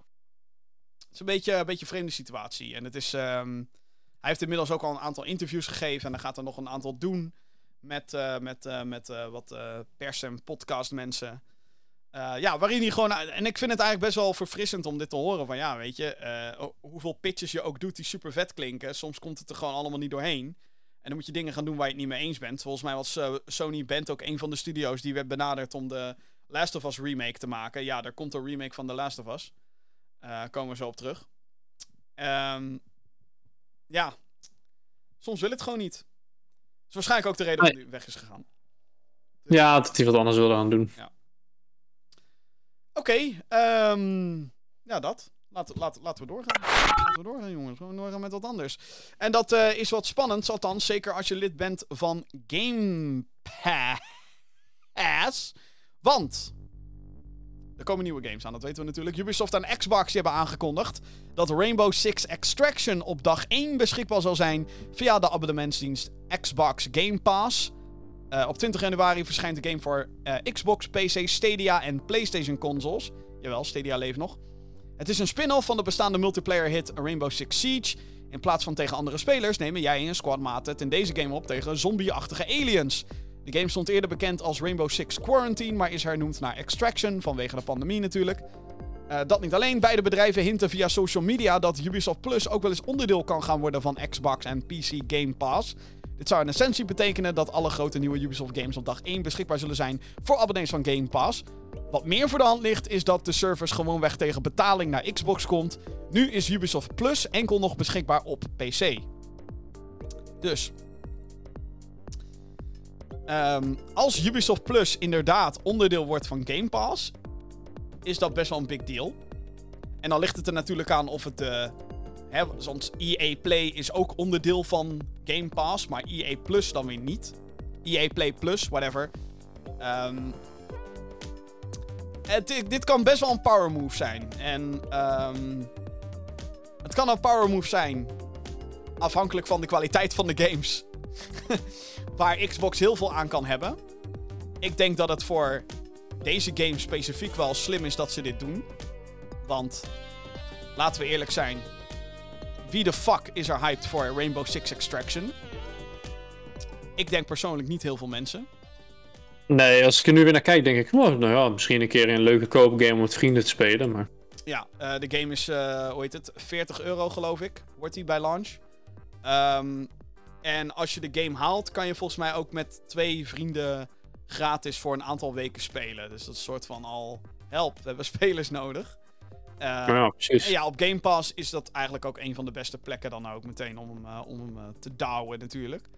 Um, ik merk wel dat Game Pass, dat ik toch liever dan een paar maanden hè, het Game Pass geld bij elkaar leg en dan één game koop, dan dat ik daadwerkelijk elke maand Game Pass blijf betalen. Ik weet niet, hoor. nu merk ik toch dat het mij nog niet helemaal trekt. Nou ja, het aanbod van Game Pass wordt eigenlijk wel steeds heftiger. Dat ik denk, je bent bijna een dief van je eigen portemonnee als je niet... Uh... Klopt, klopt. Uh, maar ik snap, ik snap je sentiment heel goed hoor. Ik heb liever toch ook nog een soort van dat ik een... Het liefste nog een disc heb of zo. een soort van uh, fysiek bewijs dat ik een game heb. Maar... Um... Ja, nee, maar het, dit kan dus een dikke power move zijn. Stel dat... Stel dat alle Ubisoft games dus dag 1 naar Xbox komen. Nogmaals, ik denk dat deze kans, of dat deze, dat deze gebeurtenis, dat die kans best klein is. Maar als dat gebeurt, is dat wel echt heftig. Doe een Splinter Cell remake dag 1 op Xbox Game Pass. Is wel een soort. Time me the fuck up. Zo'n dikke dis naar, naar Sony natuurlijk. En er komt nog een Prince of Persia remake uit. Nou, is, gaat de ontwikkeling daarvan niet echt uh, goed. Als mede Skull and Bones en Beyond Good and Evil 2. Dat zijn projecten die allebei al fucking... Nou, ik weet niet hoeveel, hoeveel jaren lopen, maar... Te lang. Um, maar dit kan wel eens één dikke dis zijn naar Sony. Uh, als dat zo is, natuurlijk. Um, Maar het kan natuurlijk ook gewoon zijn dat eh, Ubisoft ziet, weet en denkt: kut, deze game gaat floppen. Eh, game Pass, let's go! Beetje back for blood scenario, zeg maar. Ja, dan krijg je in ieder geval nog wat geld, hè? Ja, nou ja, ik denk ook heel eerlijk dat dit een game is die mensen veel eerder geneigd zijn om via een Game Pass te spelen dan dat ze er apart voor gaan zitten en apart voor gaan kopen, denk ik. Dat denk ik ook. Maar dat is mijn eerste impressie. Ik weet niet, het is een beetje. Ja, dat. Eigenlijk. Maar. Ik ben ook geen Rainbow Six expert. Maar dat hoef je volgens mij ook totaal niet te zijn om dit. Om dit te snappen, zeg maar. Het is gewoon co-op aliens. Maar dan iets tactischer dan je. Iets veel tactischer dan je Left 4 Dead-achtige games. Dus dat. Tijdens het eerder genoemde CES 2022 heeft de co-president van Naughty Dog, eh, Neil Druckmann, eh, een opvallende uitspraak gedaan over de studio. Eh, want hij heeft bevestigd dat er meerdere projecten in ontwikkeling zijn bij de ontwikkelaar die voornamelijk bekend staat om de Uncharted en Last of Us franchises. Hierdoor is de geruchtenmolen natuurlijk weer flink gaan draaien, want eh, wat zijn de meerdere projecten waar de studio zich nu op richt? Beide schijnen te maken hebben met The Last of Us. Allereerst is er een Factions project, die dient als eh, standalone multiplayer stand voor The Last of Us Part 2. Het tweede project is mogelijk een remake van The Last of Us 1. Een project die volgens Bloomberg-journalist Jason Schreier al langs meerdere studio's heen is gegaan. Verder wilde Druckmann niets kwijt over wat er dan precies bij Naughty Dog gaande is. Waarschijnlijk horen we later dit jaar meer over de plannen van PlayStation. Allemaal of Us dus. Nou ja, de, er zou inderdaad een standalone multiplayer bezig zi- eh, gemaakt worden voor eh The Last of Us. Deel 1 had een, eh, Factions. Deel 2 heeft dat niet. Deel 2 heeft alleen singleplayer. Ehm, dus om dan een free-to-play, vermoedelijk free-to-play project te doen, die op PlayStation en PC uitkomt, zou toch wel echt, ja, zal goed zijn. PC zou echt vet zijn. Ehm The Last of Us Remake is iets wat, ja, waar inmiddels best wel veel over is geschreven. Ehm, ik ben bang dat die echt is. Mhm. Ik vind het bullshit, want ik vind The Last of Us veel te jong en eigenlijk bijna te perfect om nu al te remaken. Ik, ik, zie, Ja, daar, precies. ik zie daar... De tijd tussen de remaster en dit is dan veel te kort. Ja, ik bedoel, nou ja, kijk, het ligt er maar net aan in wat voor context je pakt. De remaster kwam uit in 2014. Dus dat is wel acht jaar geleden al. Maar ja, dan denk ik, die game ziet er... Tuurlijk, het ziet er inmiddels ietsjes verouderd uit, maar... Moet je het daarom gaan remaken? Like... Weet je, als je gaat kijken naar de kwaliteit van nu en de kwaliteit van toen. Hoeveel winst ga je dan krijgen hoe het eruit ziet? Qua ervaring, hè? Hoeveel wordt de ervaring beter? Kijk, als je nou een game van de PlayStation 1 pakt. En die naar de huidige standaards pakt. Final Fantasy 7 als voorbeeld. Dat is een totaal andere game. Genieten. Maar hier, ja, wat, wat voor verschil gaat het maken? Ja. Hoe groot gaat dat verschil zijn? Om dan niet de fans eh, een loer te draaien. Dat ze denken, ja, dit is helemaal geen Last of Us 1 meer. Maar wel te zeggen van, wow, wat een andere ervaring. Ja, het is... eh, Waar ik vooral bang voor ben, is als ze The Last of Us gaan remaken, is dat ze shit gaan veranderen. Daar heb ik geen zin in. En dan denk ik, ja, eh, ik ben... Ik denk dat het algemeen bekend is dat ik niet blij ben met hoe ze met het verhaal van The Last of Us Part 2 zijn omgegaan. Ehm, ik ben heel benieuwd wat jij daar uiteindelijk van gaat vinden, want ik vind dat er heel veel bullshit in zit die niet logisch is vanuit charactermotivatie, maar ik zal voor de rest zal ik zwijgen. Ehm, zeg maar niks, zeg maar niks. Nee, nee, ik zeg niks, ik zeg niks. Maar ja, degene die mijn review en ook de spoilercast hebben gezien, weten exact waar ik het over heb. Ehm, dus ik, ik ben daar vooral bang voor. En dan denk ik wel van, ja, maar ga je als PlayStation nu ook niet te veel hangen in, hè, in, in, in een meesterwerk wat The Last of Us gewoon is, deel 1. Ja, het is alsof je, ehm, ja, I- I- het is gewoon nog veel te vroeg, jongens. Het is alsof je nu al gaat zeggen. ehm, we gaan Joker remaken, de film. Yep. Ja, terwijl Joker was fucking gruwelijk, zeg maar. Was een goede film. ook al zou je nu een vervolg maken die teleurstellend is, om daarna dan te zeggen: Oh, weet je wat, we gaan Joker wel gewoon opnieuw maken. Dat zou zo weird zijn, want die film is nog niet eens zo oud en de film is fucking goed, dus waarom zou je daar aan gaan kutten? Ook al is het een grafische rework, zeg maar. Het is, ik weet niet of, en, en ik vind het zeg maar zonde voor een studio als Naughty Dog om met dit soort dingen bezig te zijn. Dat klinkt heel lullig, maar ik heb veel liever dat ze of met iets gewoon compleet nieuws bezig zijn. Want hey, elke generatie is althans nu traditie geweest, soort van, dat ze met iets nieuws bezig zijn. Ehm, nou was de afgelopen generatie daar dus juist de uitzondering in. Hè, PlayStation 1 was het voor Naughty Dog Crash Bandicoot. PlayStation 2 was Jack and Dexter. PlayStation 3 was Uncharted. Plus helemaal aan het einde The Last of Us. Dus dan zou je bijna kunnen zeggen dat de PlayStation 4 de Last of Us generatie was voor Naughty Dog. Ehm, en dan ga je nu teruggrijpen naar een remake. Terwijl ik denk, Naughty Dog, jullie kunnen zoveel gekke shit doen. Jullie hebben meerdere malen bewezen al, in, in, in, in het bestaan van de studio, dat het is een grensverleggende studio. Het is een studio die de volgende stap zet. Of het nou is qua verhaalvertelling, The Last of Us, character building, Uncharted, grafisch, noem al hun games maar op eigenlijk. Crash Bandicoot was, toen het uitkwam voor PS1, was het van, oh shit, we kunnen dit allemaal doen met dit platform, what the fuck. Um, Uncharted idem, Last of Us idem. Dus het is zeg maar, uh, uh, Last of Us Part 2 was zeg maar echt wel, dat haalde alles uit de PS4 wat erin zat. Um, en dan denk ik nu van, ja, dan gaan jullie een remake? Een remake? Ja, ik heb er, ik heb er weinig, weinig nog mening over dan wat jij hier al zegt. Ik vind het gewoon ook zonde. Zonde van tijd en, en, en geld om daadwerkelijk iets nieuws te maken. Dan heb ik nog liever dat ze Jack and Dexter remaken, weet je wel. Want daar kan je in Bijvoorbeeld, bijvoorbeeld, ja. ja. Of een Jack 4, of een, of weet gewoon iets nieuws. Ja. Ik bedoel, dat is zeg maar het, het, het comfortabele voor de studio hun studionaam is dusdanig bekend dat wanneer er een Naughty Dog game komt, dat dat, oh shit, Naughty Dog, weet je wel? Als dat logotje in beeld komt bij welke trailer dan ook, is het van, oh shit. En dat hoeft niet per se, wat mij betreft, dus een, een, een bestaand iets te zijn. Zet de volgende stap. Is wat ik het liefste zou willen. Maar uh, ja, ik denk dat als die Last of Us remake dus echt is, en daar kunnen we inmiddels van uitgaan, dan wordt die ook wel dit jaar. Uh, hè? Wordt dit jaar wel bekendgemaakt, denk ik. Oké, okay, slecht nieuws over uh, onze reisplannen. We gaan niet naar Los Angeles, Jeroen. Helaas. Ik had er zoveel geld voor apart gelegd. Helaas, alweer niet. De Electronic Entertainment Expo, beter bekend als de E3, gaat ook dit jaar in fysieke vorm niet door.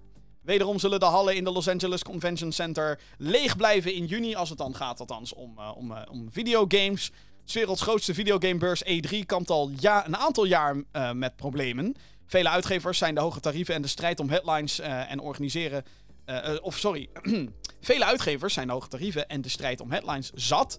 en organiseren vaak nu eigen evenementen. Partijen zoals Activision Blizzard, EA en PlayStation doen al een aantal jaar niet meer mee aan E3... Zoals vorig jaar zal de E3 nu ook geheel digitaal plaatsvinden. Verwachting is dat de meeste partijen gewoon weg hun eigen event of presentatie gaan houden. Wellicht rond de timing van E3, uh, eh, rond de eerste twee weken van juni dus. Jeff Keighley, die de Game Awards organiseert en presenteert, heeft via uh, social media al aangegeven dat zijn Summer Games Fest ook weer losgaat in de warmere maanden van het jaar. Keighley doet dit al een aantal jaren om de concurrentie juist aan te gaan met E3. En de organisatie die erachter zit, de ISE. We hebben natuurlijk al een aantal jaar dit verhaal en dit gesprek gevoerd over uh, is dit een nekslag voor E3? Ja, ja, denk het wel. Dit is het einde, dit is het einde, dit is het einde. Denk het wel, joh. Dit is, uh, je, mensen zien nu gewoon, zeker door de digitale media van nu en de connecties die mensen nu kunnen maken, dat uh, zo'n vloer niet meer alles is. En dat er ook andere mensen zijn die dit kunnen organiseren buiten de, de ESA. En dan heb ik het niet over de European Space Agency, maar gewoon over de partijen achter de E3. Weet je, er, zijn nu, er komen nu gewoon concurrenten en E3 heeft te weinig aan ontwikkeling gedaan en aan vernieuwing. Waardoor je nu gaat zien dat andere bedrijven andere oplossingen gaan zoeken. En ik moet zeggen dat het niet fysiek is, is niet zo'n heel groot probleem voor ons. Ja, voor andere nieuwsoutlets en bedrijven misschien wel. Want hè, net als wat wij merkten met Gamescom, wat gelukkig een stuk dichter bij huizen en ook wat goedkoper.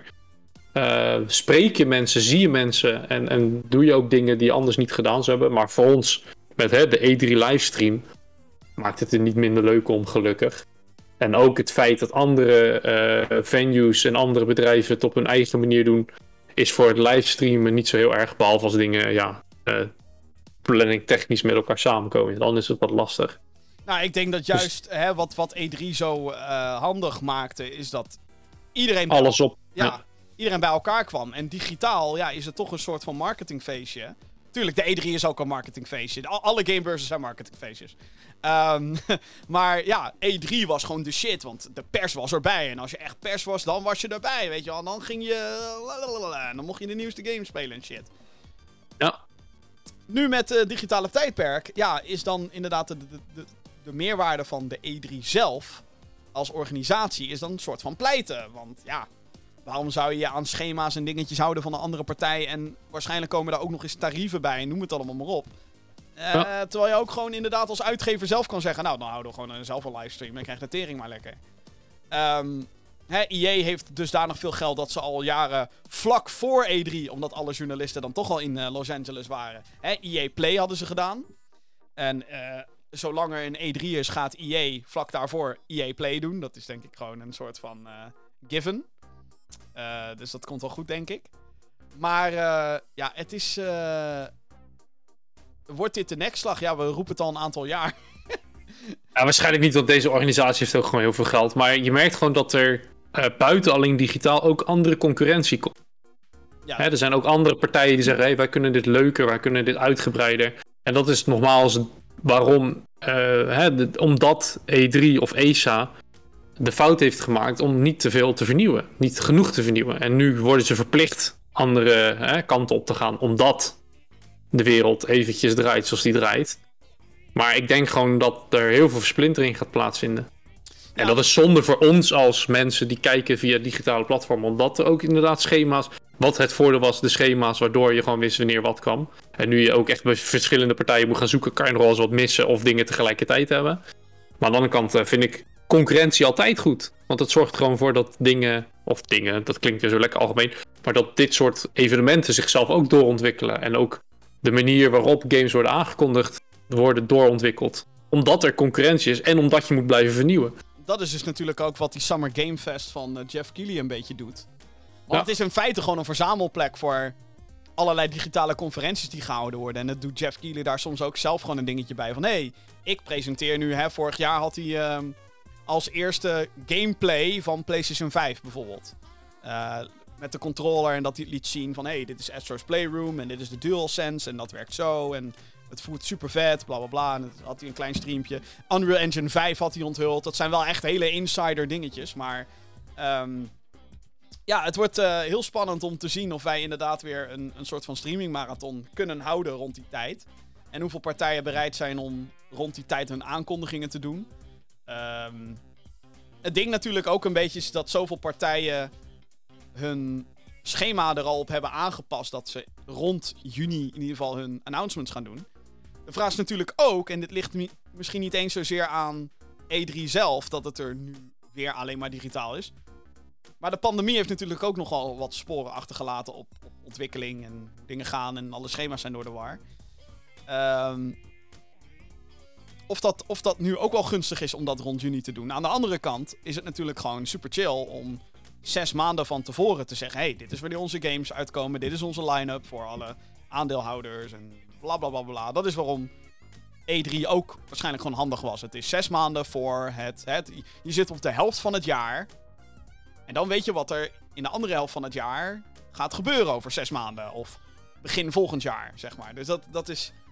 Juni is gewoon wat dat betreft de perfecte tijd. Het is ook vlak voordat de meeste mensen op zomervakantie gaan en, en et cetera, et cetera. Dus je kan alle headlines en hype kan je meepakken. Alle pre-orders voordat al het geld voor de vakantie al helemaal op is. dus let's go.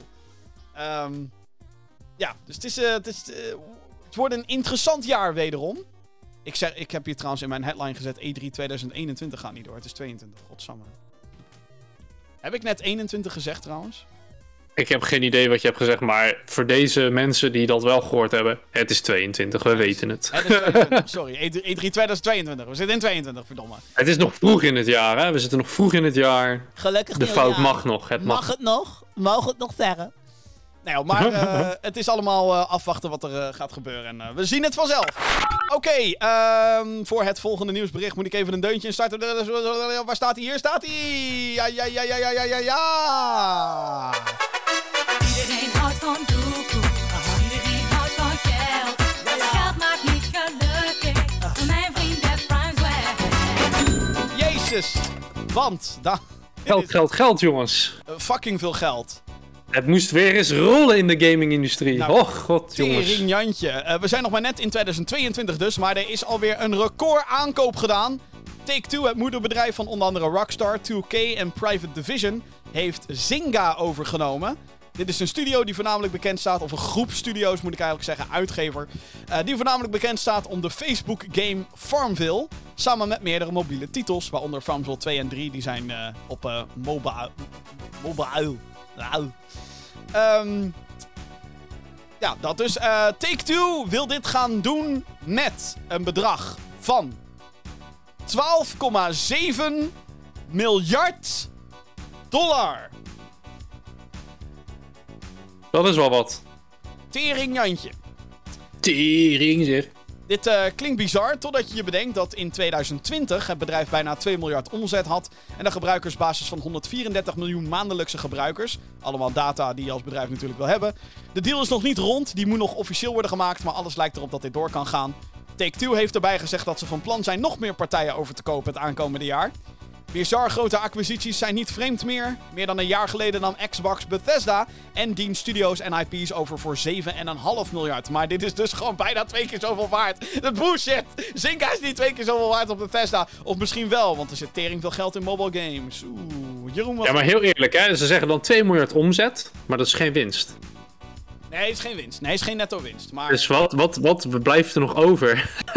en buiten dat, dit geeft mij wel echt een angstig gevoel dat het allemaal weer service games en pay to win en oh man, oh man, oh Nou man. ja, ik bedoel, eh, eh, Take-Two haalt natuurlijk, eh, heeft miljarden binnengehaald met GTA Online. Oh ja, oh ja. Dus eh, ja, ehm,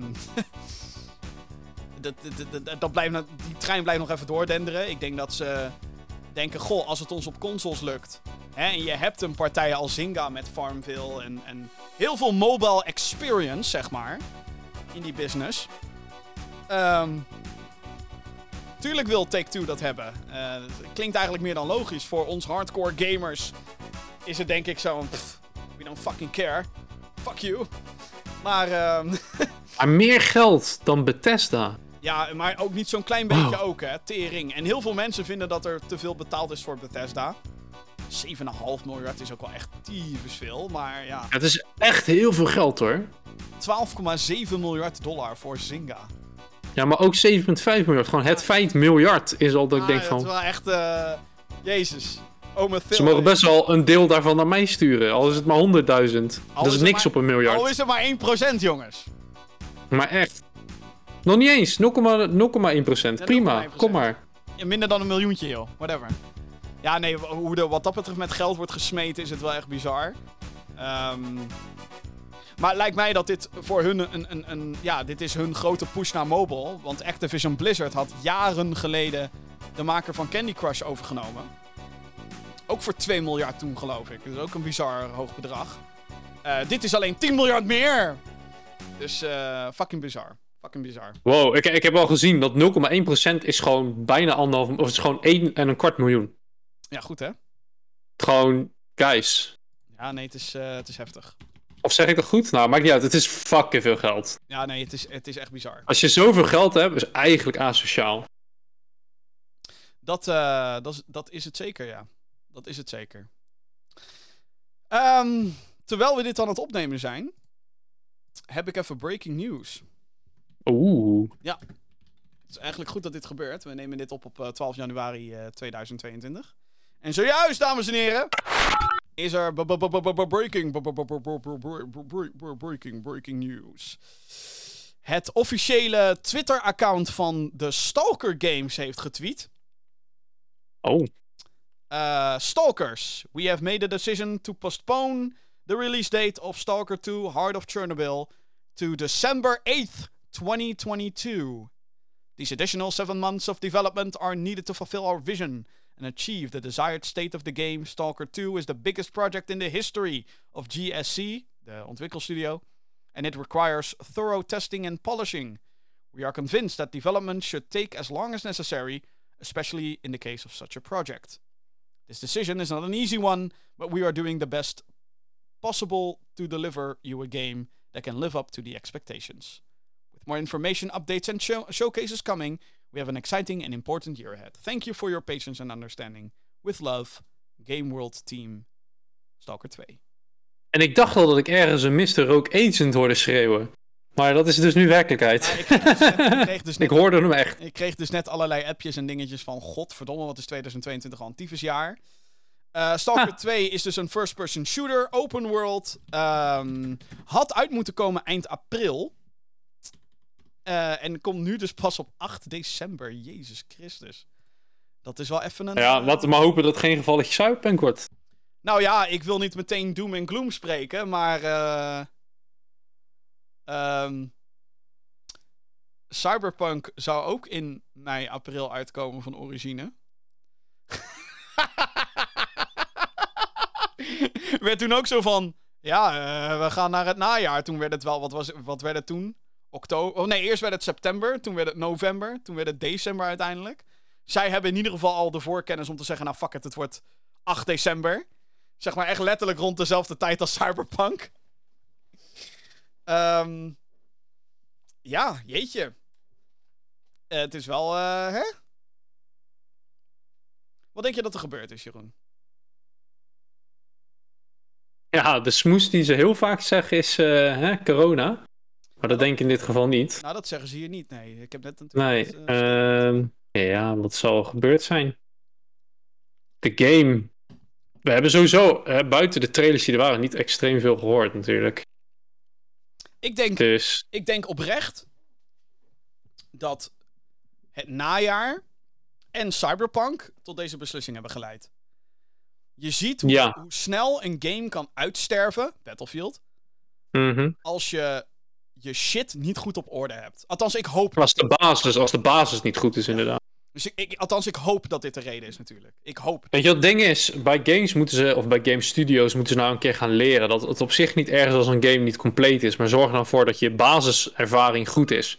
En dat dan DLC's en toevoegingen later het alleen maar groter maken. Dus stel je voor, als je Cyberpunk zou pakken en de basis van het verhaal zou goed zijn. En daarna voeg je onderdelen aan de open world toe en een bounty system. En hè, achtervolgingen zitten er dan wel in. Hè? De politie en de AI werkt gewoon goed. Maar je maakt de beginwereld wat kleiner.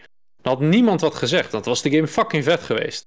Ja. Dus dat is een beetje het ding wat je nu heel veel met games merkt. Ook met een Battlefield. Is dat de basis al niet goed is. Dus dan kan je hem wel uitstellen, maar de basis is al niet goed. En ik hoop gewoon in dit geval dat ze zien van... hé, hey, de basis is goed. Maar we willen gewoon meer. Dus we gaan, nog, hè, we gaan er nog wat meer van maken.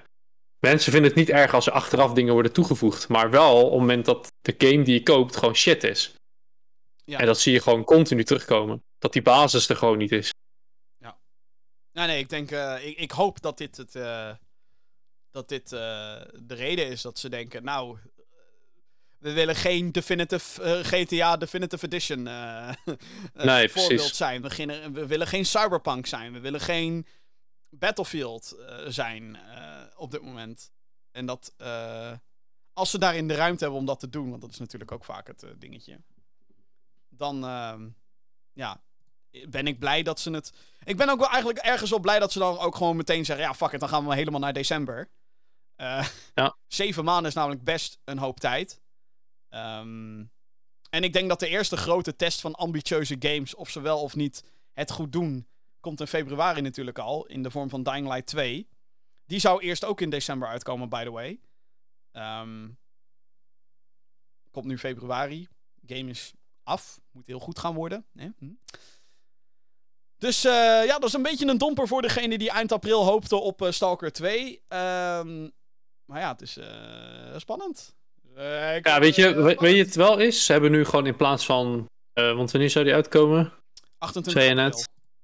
Nou ja, dat, ze hebben nu in plaats van dan een half jaar nog eh, gewoon een jaar om verder te werken. En dat, ik denk dat ze dat heel veel rust oplevert. Ik, eh, ik hoop het wel, ja. Ja, ik hoop het. Eh, dit, dit zou, ja. Het is natuurlijk. Nogmaals, het is, het is niet. Weet je, en aan de andere kant, 2022 zit als het goed is al vol met games. Heel veel projecten die eigenlijk vorig jaar ook hadden moeten uitkomen, die nu uitkomen. Aan zich is het een ramp. Nee. Voor degene die wachten op deze game. Ja. ja, voor die mensen is het wel een ramp. Maar ik denk dat als je, hè, als je vertrouwen in hebt, dat wat de game gaat worden, dat het wel goed gaat komen. Ja. En dat hadden we natuurlijk ook, hè, tuurlijk, we hadden het eerst met, met Cyberpunk ook. Maar laten we maar gewoon wel positief blijven en dat ze dit echt doen, omdat ze hun basis gewoon net even wat beter willen maken. Of gewoon het complete pakket af willen hebben voordat ze daadwerkelijk eh, gaan uitbrengen. Om Ja. te voorkomen dat ze inderdaad een Battlefield of een Cyberpunk of eh, een van de andere vele games die we dit jaar hebben, of vorig jaar hebben gehad, die toch niet waren zoals ze zouden zijn. Uitstellen, jongens. Als het niet af is, uitstellen. Maar er is ergens een grens, by the way. Maar ja, zeker, zeker. Looking at you, Ghost Story Games. Godsamme. Heb jij een vraag voor de show? Mail naar podcast.gamergeeks.nl Nou, dan eh, gaan we weer een keertje de mailbox induiken. Want er zijn zowaar weer wat mailtjes eh, verschenen in de Gaming Geeks mailbox. Eh, wat, ik de, wat dus al werd gezegd, hè. Podcast.gaminggeeks.nl Even afkloppen dat onze website en mailboxes het blijven doen. Maar, hè. Deze week ook weer een storing gehad. Ja, ja. Teringlaars. Anyway, eh, de mail. Een aantal mailtjes gekregen. Ehm, beste Jim en eventuele medegeek. Nou, dat is Jeroen. Hallo. Hallo. Ik heb laatst de twee Ori-games gespeeld. Ik vond ze heel mooi en goed. Zijn er nog leuke platformgames voor PC om, op te, om te spelen? Dus kort gezegd, een leuke platformer met een goed verhaal. Oei. Groetjes Hugo, een vaste luisteraar van de show. Ik moet dus die Ori games ook nog spelen. Op de PC. Ja, ik heb ze niet gespeeld. Ze schijnen erg leuk te zijn. Ehm Nee, oh, grapje. Ehm, dus ja, maar ook om te zeggen of ik ervaring heb met andere platforms met een goed verhaal, denk ik toch dat ze bij jou moeten zijn, Jim. Ja, kijk, eh, als je echt... eh, kijk, Ori is niet alleen platform, het is ook Metroidvania-achtig. Dus dan ga ik meteen een beetje in die hoek eh, zoeken. Metroid. Ja, op PC. Hm. Nou, PC wordt dat lastig inderdaad. Wordt lastig. Tenzij Nintendo eindelijk een keer Nintendo Switch Online eh, toestaat op PC. Zoals PlayStation Now bijvoorbeeld. Maar goed, whatever. Dat is zijn droomwerelden waar we niet over kunnen spreken. Ehm, wat ik wel kan zeggen is... Kijk, goed verhaal is natuurlijk zeer subjectief. Ori heeft een uitzonderlijk goed verhaal. Dus dat niveau ga je sowieso niet bereiken in dit soort type games, meestal. Sorry. Maar ik kan wel een paar tips geven voor Metroidvania's. Guacamelee is er eentje. Je hebt daar twee games van, by the way. Guacamelee, leuk. Ik hoor iedereen de pleuris in praisen. De hemel in prijzen eigenlijk is het juiste ding. Hollow Knight schijnt super goed te zijn. Heb ik zelf ook nooit gespeeld. Oh nee, Jim, hoe durf je? Ik weet het. Oké, ik weet het.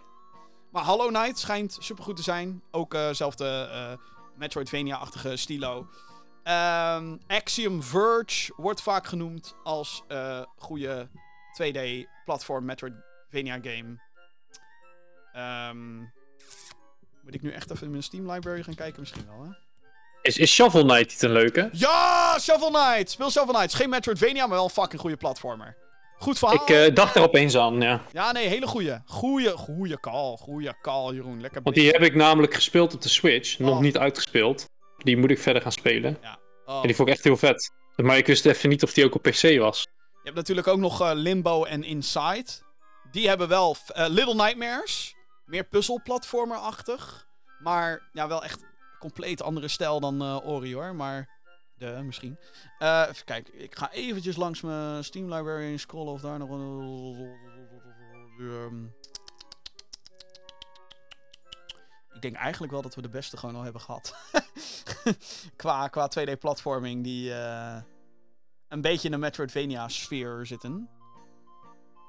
Ja. Ik ben nu bij de D. Even scrollen in mijn Steam library. Zo'n grote library heb ik. Oh, Dat is wel- waarvan 90% niet gespeeld. Dat is waar ook. dat is wel waar, ja. DuckTales Remastered zie ik hier. Die kan je alleen niet meer kopen. Die is van de Steam Store afgeflikkerd. Ehm, Really? Wauw. ja, dat is al een tijdje terug hoor. Dat is eh, gedoe. Ja, maar helemaal vergeten, joh. Ja, dat, dat is dus soms heel raar. Ik zie Evolve bijvoorbeeld nog staan in mijn Steam library. is ook gewoon offline. Doei. Ehm, Jij zegt, Ja, jij zegt dat je die niet meer kan kopen via Steam? Evolve? Ja, weet ik niet. Kan dat nog wel? De game is toch offline gehaald? Ja, ik weet niet of het dan Nou ja. van, de, van, de, van de Steam Store is afgeflikkerd. Het zou wel moeten eigenlijk. Hmm. Nou ja, ik, ik, ik heb hem toevallig even op Google ingetypt en ik kom nu gewoon in de winkel en ik krijg hem in mijn lijstje en in mijn, in mijn, in mijn winkelwagen terecht. Maar dan misschien dat hij dan stopt op het moment dat je wil betalen. Dat weet ik niet. Dat zou echt wel erg zijn als ze gewoon nog steeds geld toelaten, zeg maar, voor een game die we fucking... Nee, ik denk dat we gewoon de beste hebben gehad. Ik ga niet verder scrollen in mijn Steam library, duurt lang. Oké, volgende mailtje. Uh, hey geeks, ik heb afgelopen week weer eens door mijn Steam library, hey, ik ook, heen gescrolld. En tussen alle games die ik nog moet spelen, besloten Unravel 2 op te pakken. En dat bleek verrassend genoeg een van de mooiste en meest magische games te zijn die ik in tijden gespeeld had. Daar heb je nog een tip. Ook 2D-platformachtig, Unravel. Uh, nu is mijn vraag, wat is de mooiste en meest magische game die jullie ooit gespeeld hebben? Goedjes Ruben. Het is wel echt een geweten vraag dit. Jeetje. Maar, ja, maar ook gewoon ooit. Ik vind dat verhaal van ooit altijd zo moeilijk. Ja, de vraag is natuurlijk een beetje in deze: wat is mooi en magisch? Want ik vermoed een beetje dat waarom Ruben dit mailt, heeft te maken met de sfeer en de. En een beetje de nostalgie die Unraveled. Of Unravel, is het nou Unraveled of Unravel? Unravel, Unravel. Unravel opwekt. In die zin zou ik bijna willen zeggen Ori and the Will of the Wisps. Maar ook omdat dat nu uh, heel erg dicht in mijn memory zit. Die game is echt prachtig op allerlei, uh, allerlei termen. Maar de meest magische game. Echt de meest magische game. Het is heel moeilijk, Jim. Ja, hè? Het is niet, het is niet een makkelijke opgave, dit. Ori and the Will Wisp komt heel dichtbij. Ja, kijk, weet je, wat is magisch? Wat is, uh, hè? Ik kan zeggen Harry Potter, daar zit magic in. Vraag het aan je kat. Wat, wat vindt jouw kat de, de... Als er maar eten in zit en vis, dan denk ik dat hij dat uh, heel erg interessant vindt. Nee, maar wat ik heel magisch vind, ja, weet je, een magische ervaring vond ik zelf bij Breath of the Wild, omdat het gewoon een totaal andere manier van open world was. Dat vond ik heel magisch en daar zat ik ook echt heel goed in. Bij The Witcher vond ik het juist weer het trekken van, van monsters en het jagen op monsters, wat me echt heel erg de game introk. Ja. Vroeger, wat vond ik vroeger magische games? Waar had ik echt zo'n wow, wat een game. Jeetje. Nee, niet Final Fantasy 7? Ja, ja, wel, maar ook niet. Maar dat was, was ook niet een van de eerste games die ik speelde. Weet je, dat is misschien het ding. Waar je op een moment zo, zo, diep erin getrokken wordt dat het zo magisch en een bijzondere wereld is. Tegen ik van wow. En dat, dan komt toch niet Final Fantasy 7 bij mij naar boven. Maar ik zit er echt zo hard te denken. Misschien dan toch. Uh, Medieval 1. Oké. Okay. Misschien wel, dat ik daar zo diep die game ingetrokken ben. Okay. Dat ik eigenlijk denk van waarom heb ik de remaster er nooit van gespeeld. Misschien moet ik dat maar eens een keer gaan doen. Ja, die is gewoon op PS4. Die is ook op PlayStation Plus geweest. Gewoon, dus als jullie hebben opgelet. Ja. Ik heb echt plezier van die game gehad. En ook van deel 2. En daarom vind ik het ook jammer dat daar nog geen remaster van is. Ik vond dat zulke bullshit. Ik denk van als je helemaal de moeite gaat nemen om Medieval te remaken. Fucking pleur deel 2 er dan ook gewoon meteen bij. Ja, precies. Precies. Snap ik niet. En nu is het inmiddels al zo, zijn we al zo verder daar vandaan dat, dat die kans steeds kleiner wordt dat ze dat. Nou, whatever. Maar dit soort vragen, dat, dat zet echt mijn tandwieltjes in het hoofd aan het draaien. Van wat vond ik toen de tijd zo magisch. Ik kan me wel herinneren hoe magisch ik RuneScape vond. vond. Toen de tijd. Ik vond uh, Half-Life 2 was voor mij ook wel echt een soort. Oh ja, ja, ja, ja. Oh Zeker. shit. Weet je al, gewoon. Nou, wat ik wel ik heel vet vond, dat was een van mijn eerste PC-ervaringen dat ik echt had van wow. Dat was Battlefield 1942. Ah. En dan met alle uitbreidingen erbij en zo. Daar heb ik uh, online ook echt veel van genoten. En ook offline. En um, Skyrim was voor mij ook wel iets magisch hoor. Maar is dan ook gewoon natuurlijk die hele. Oh shit, die draak in het begin. En, en dan word je gewoon die wereld ingestuurd. En is van nou, veel plezier. Oh.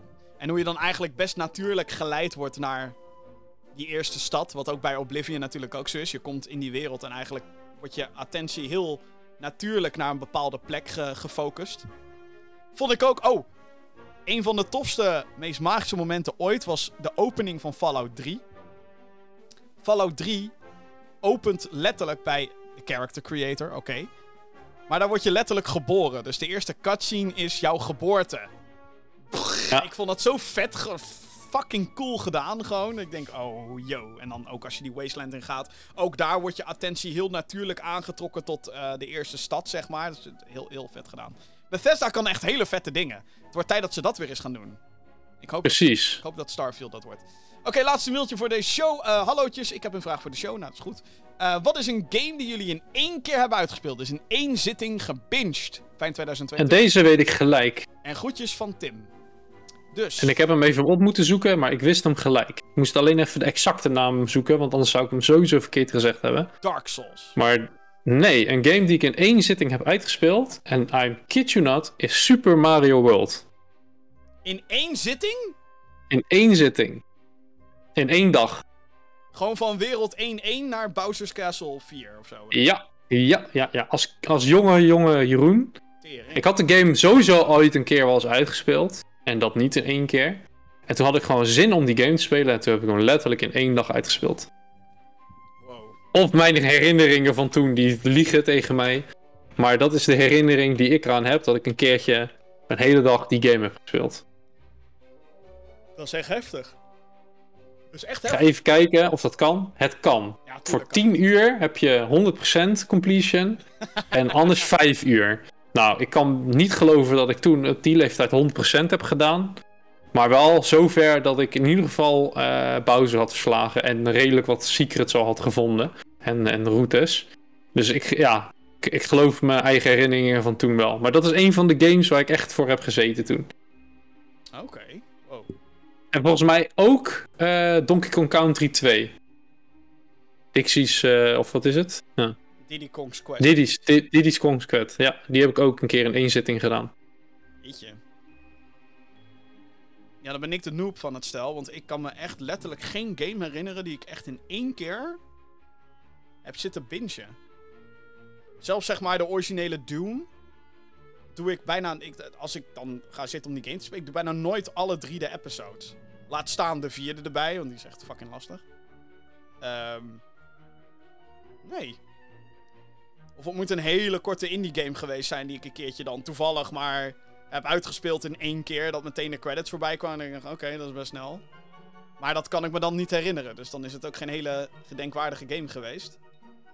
Ehm ik zit even hard op na te denken. Zijn er games die ik echt in één keer gewoon... Misschien met eten tussendoor of zo, dat ik de game op pauze heb? Nee. Nee.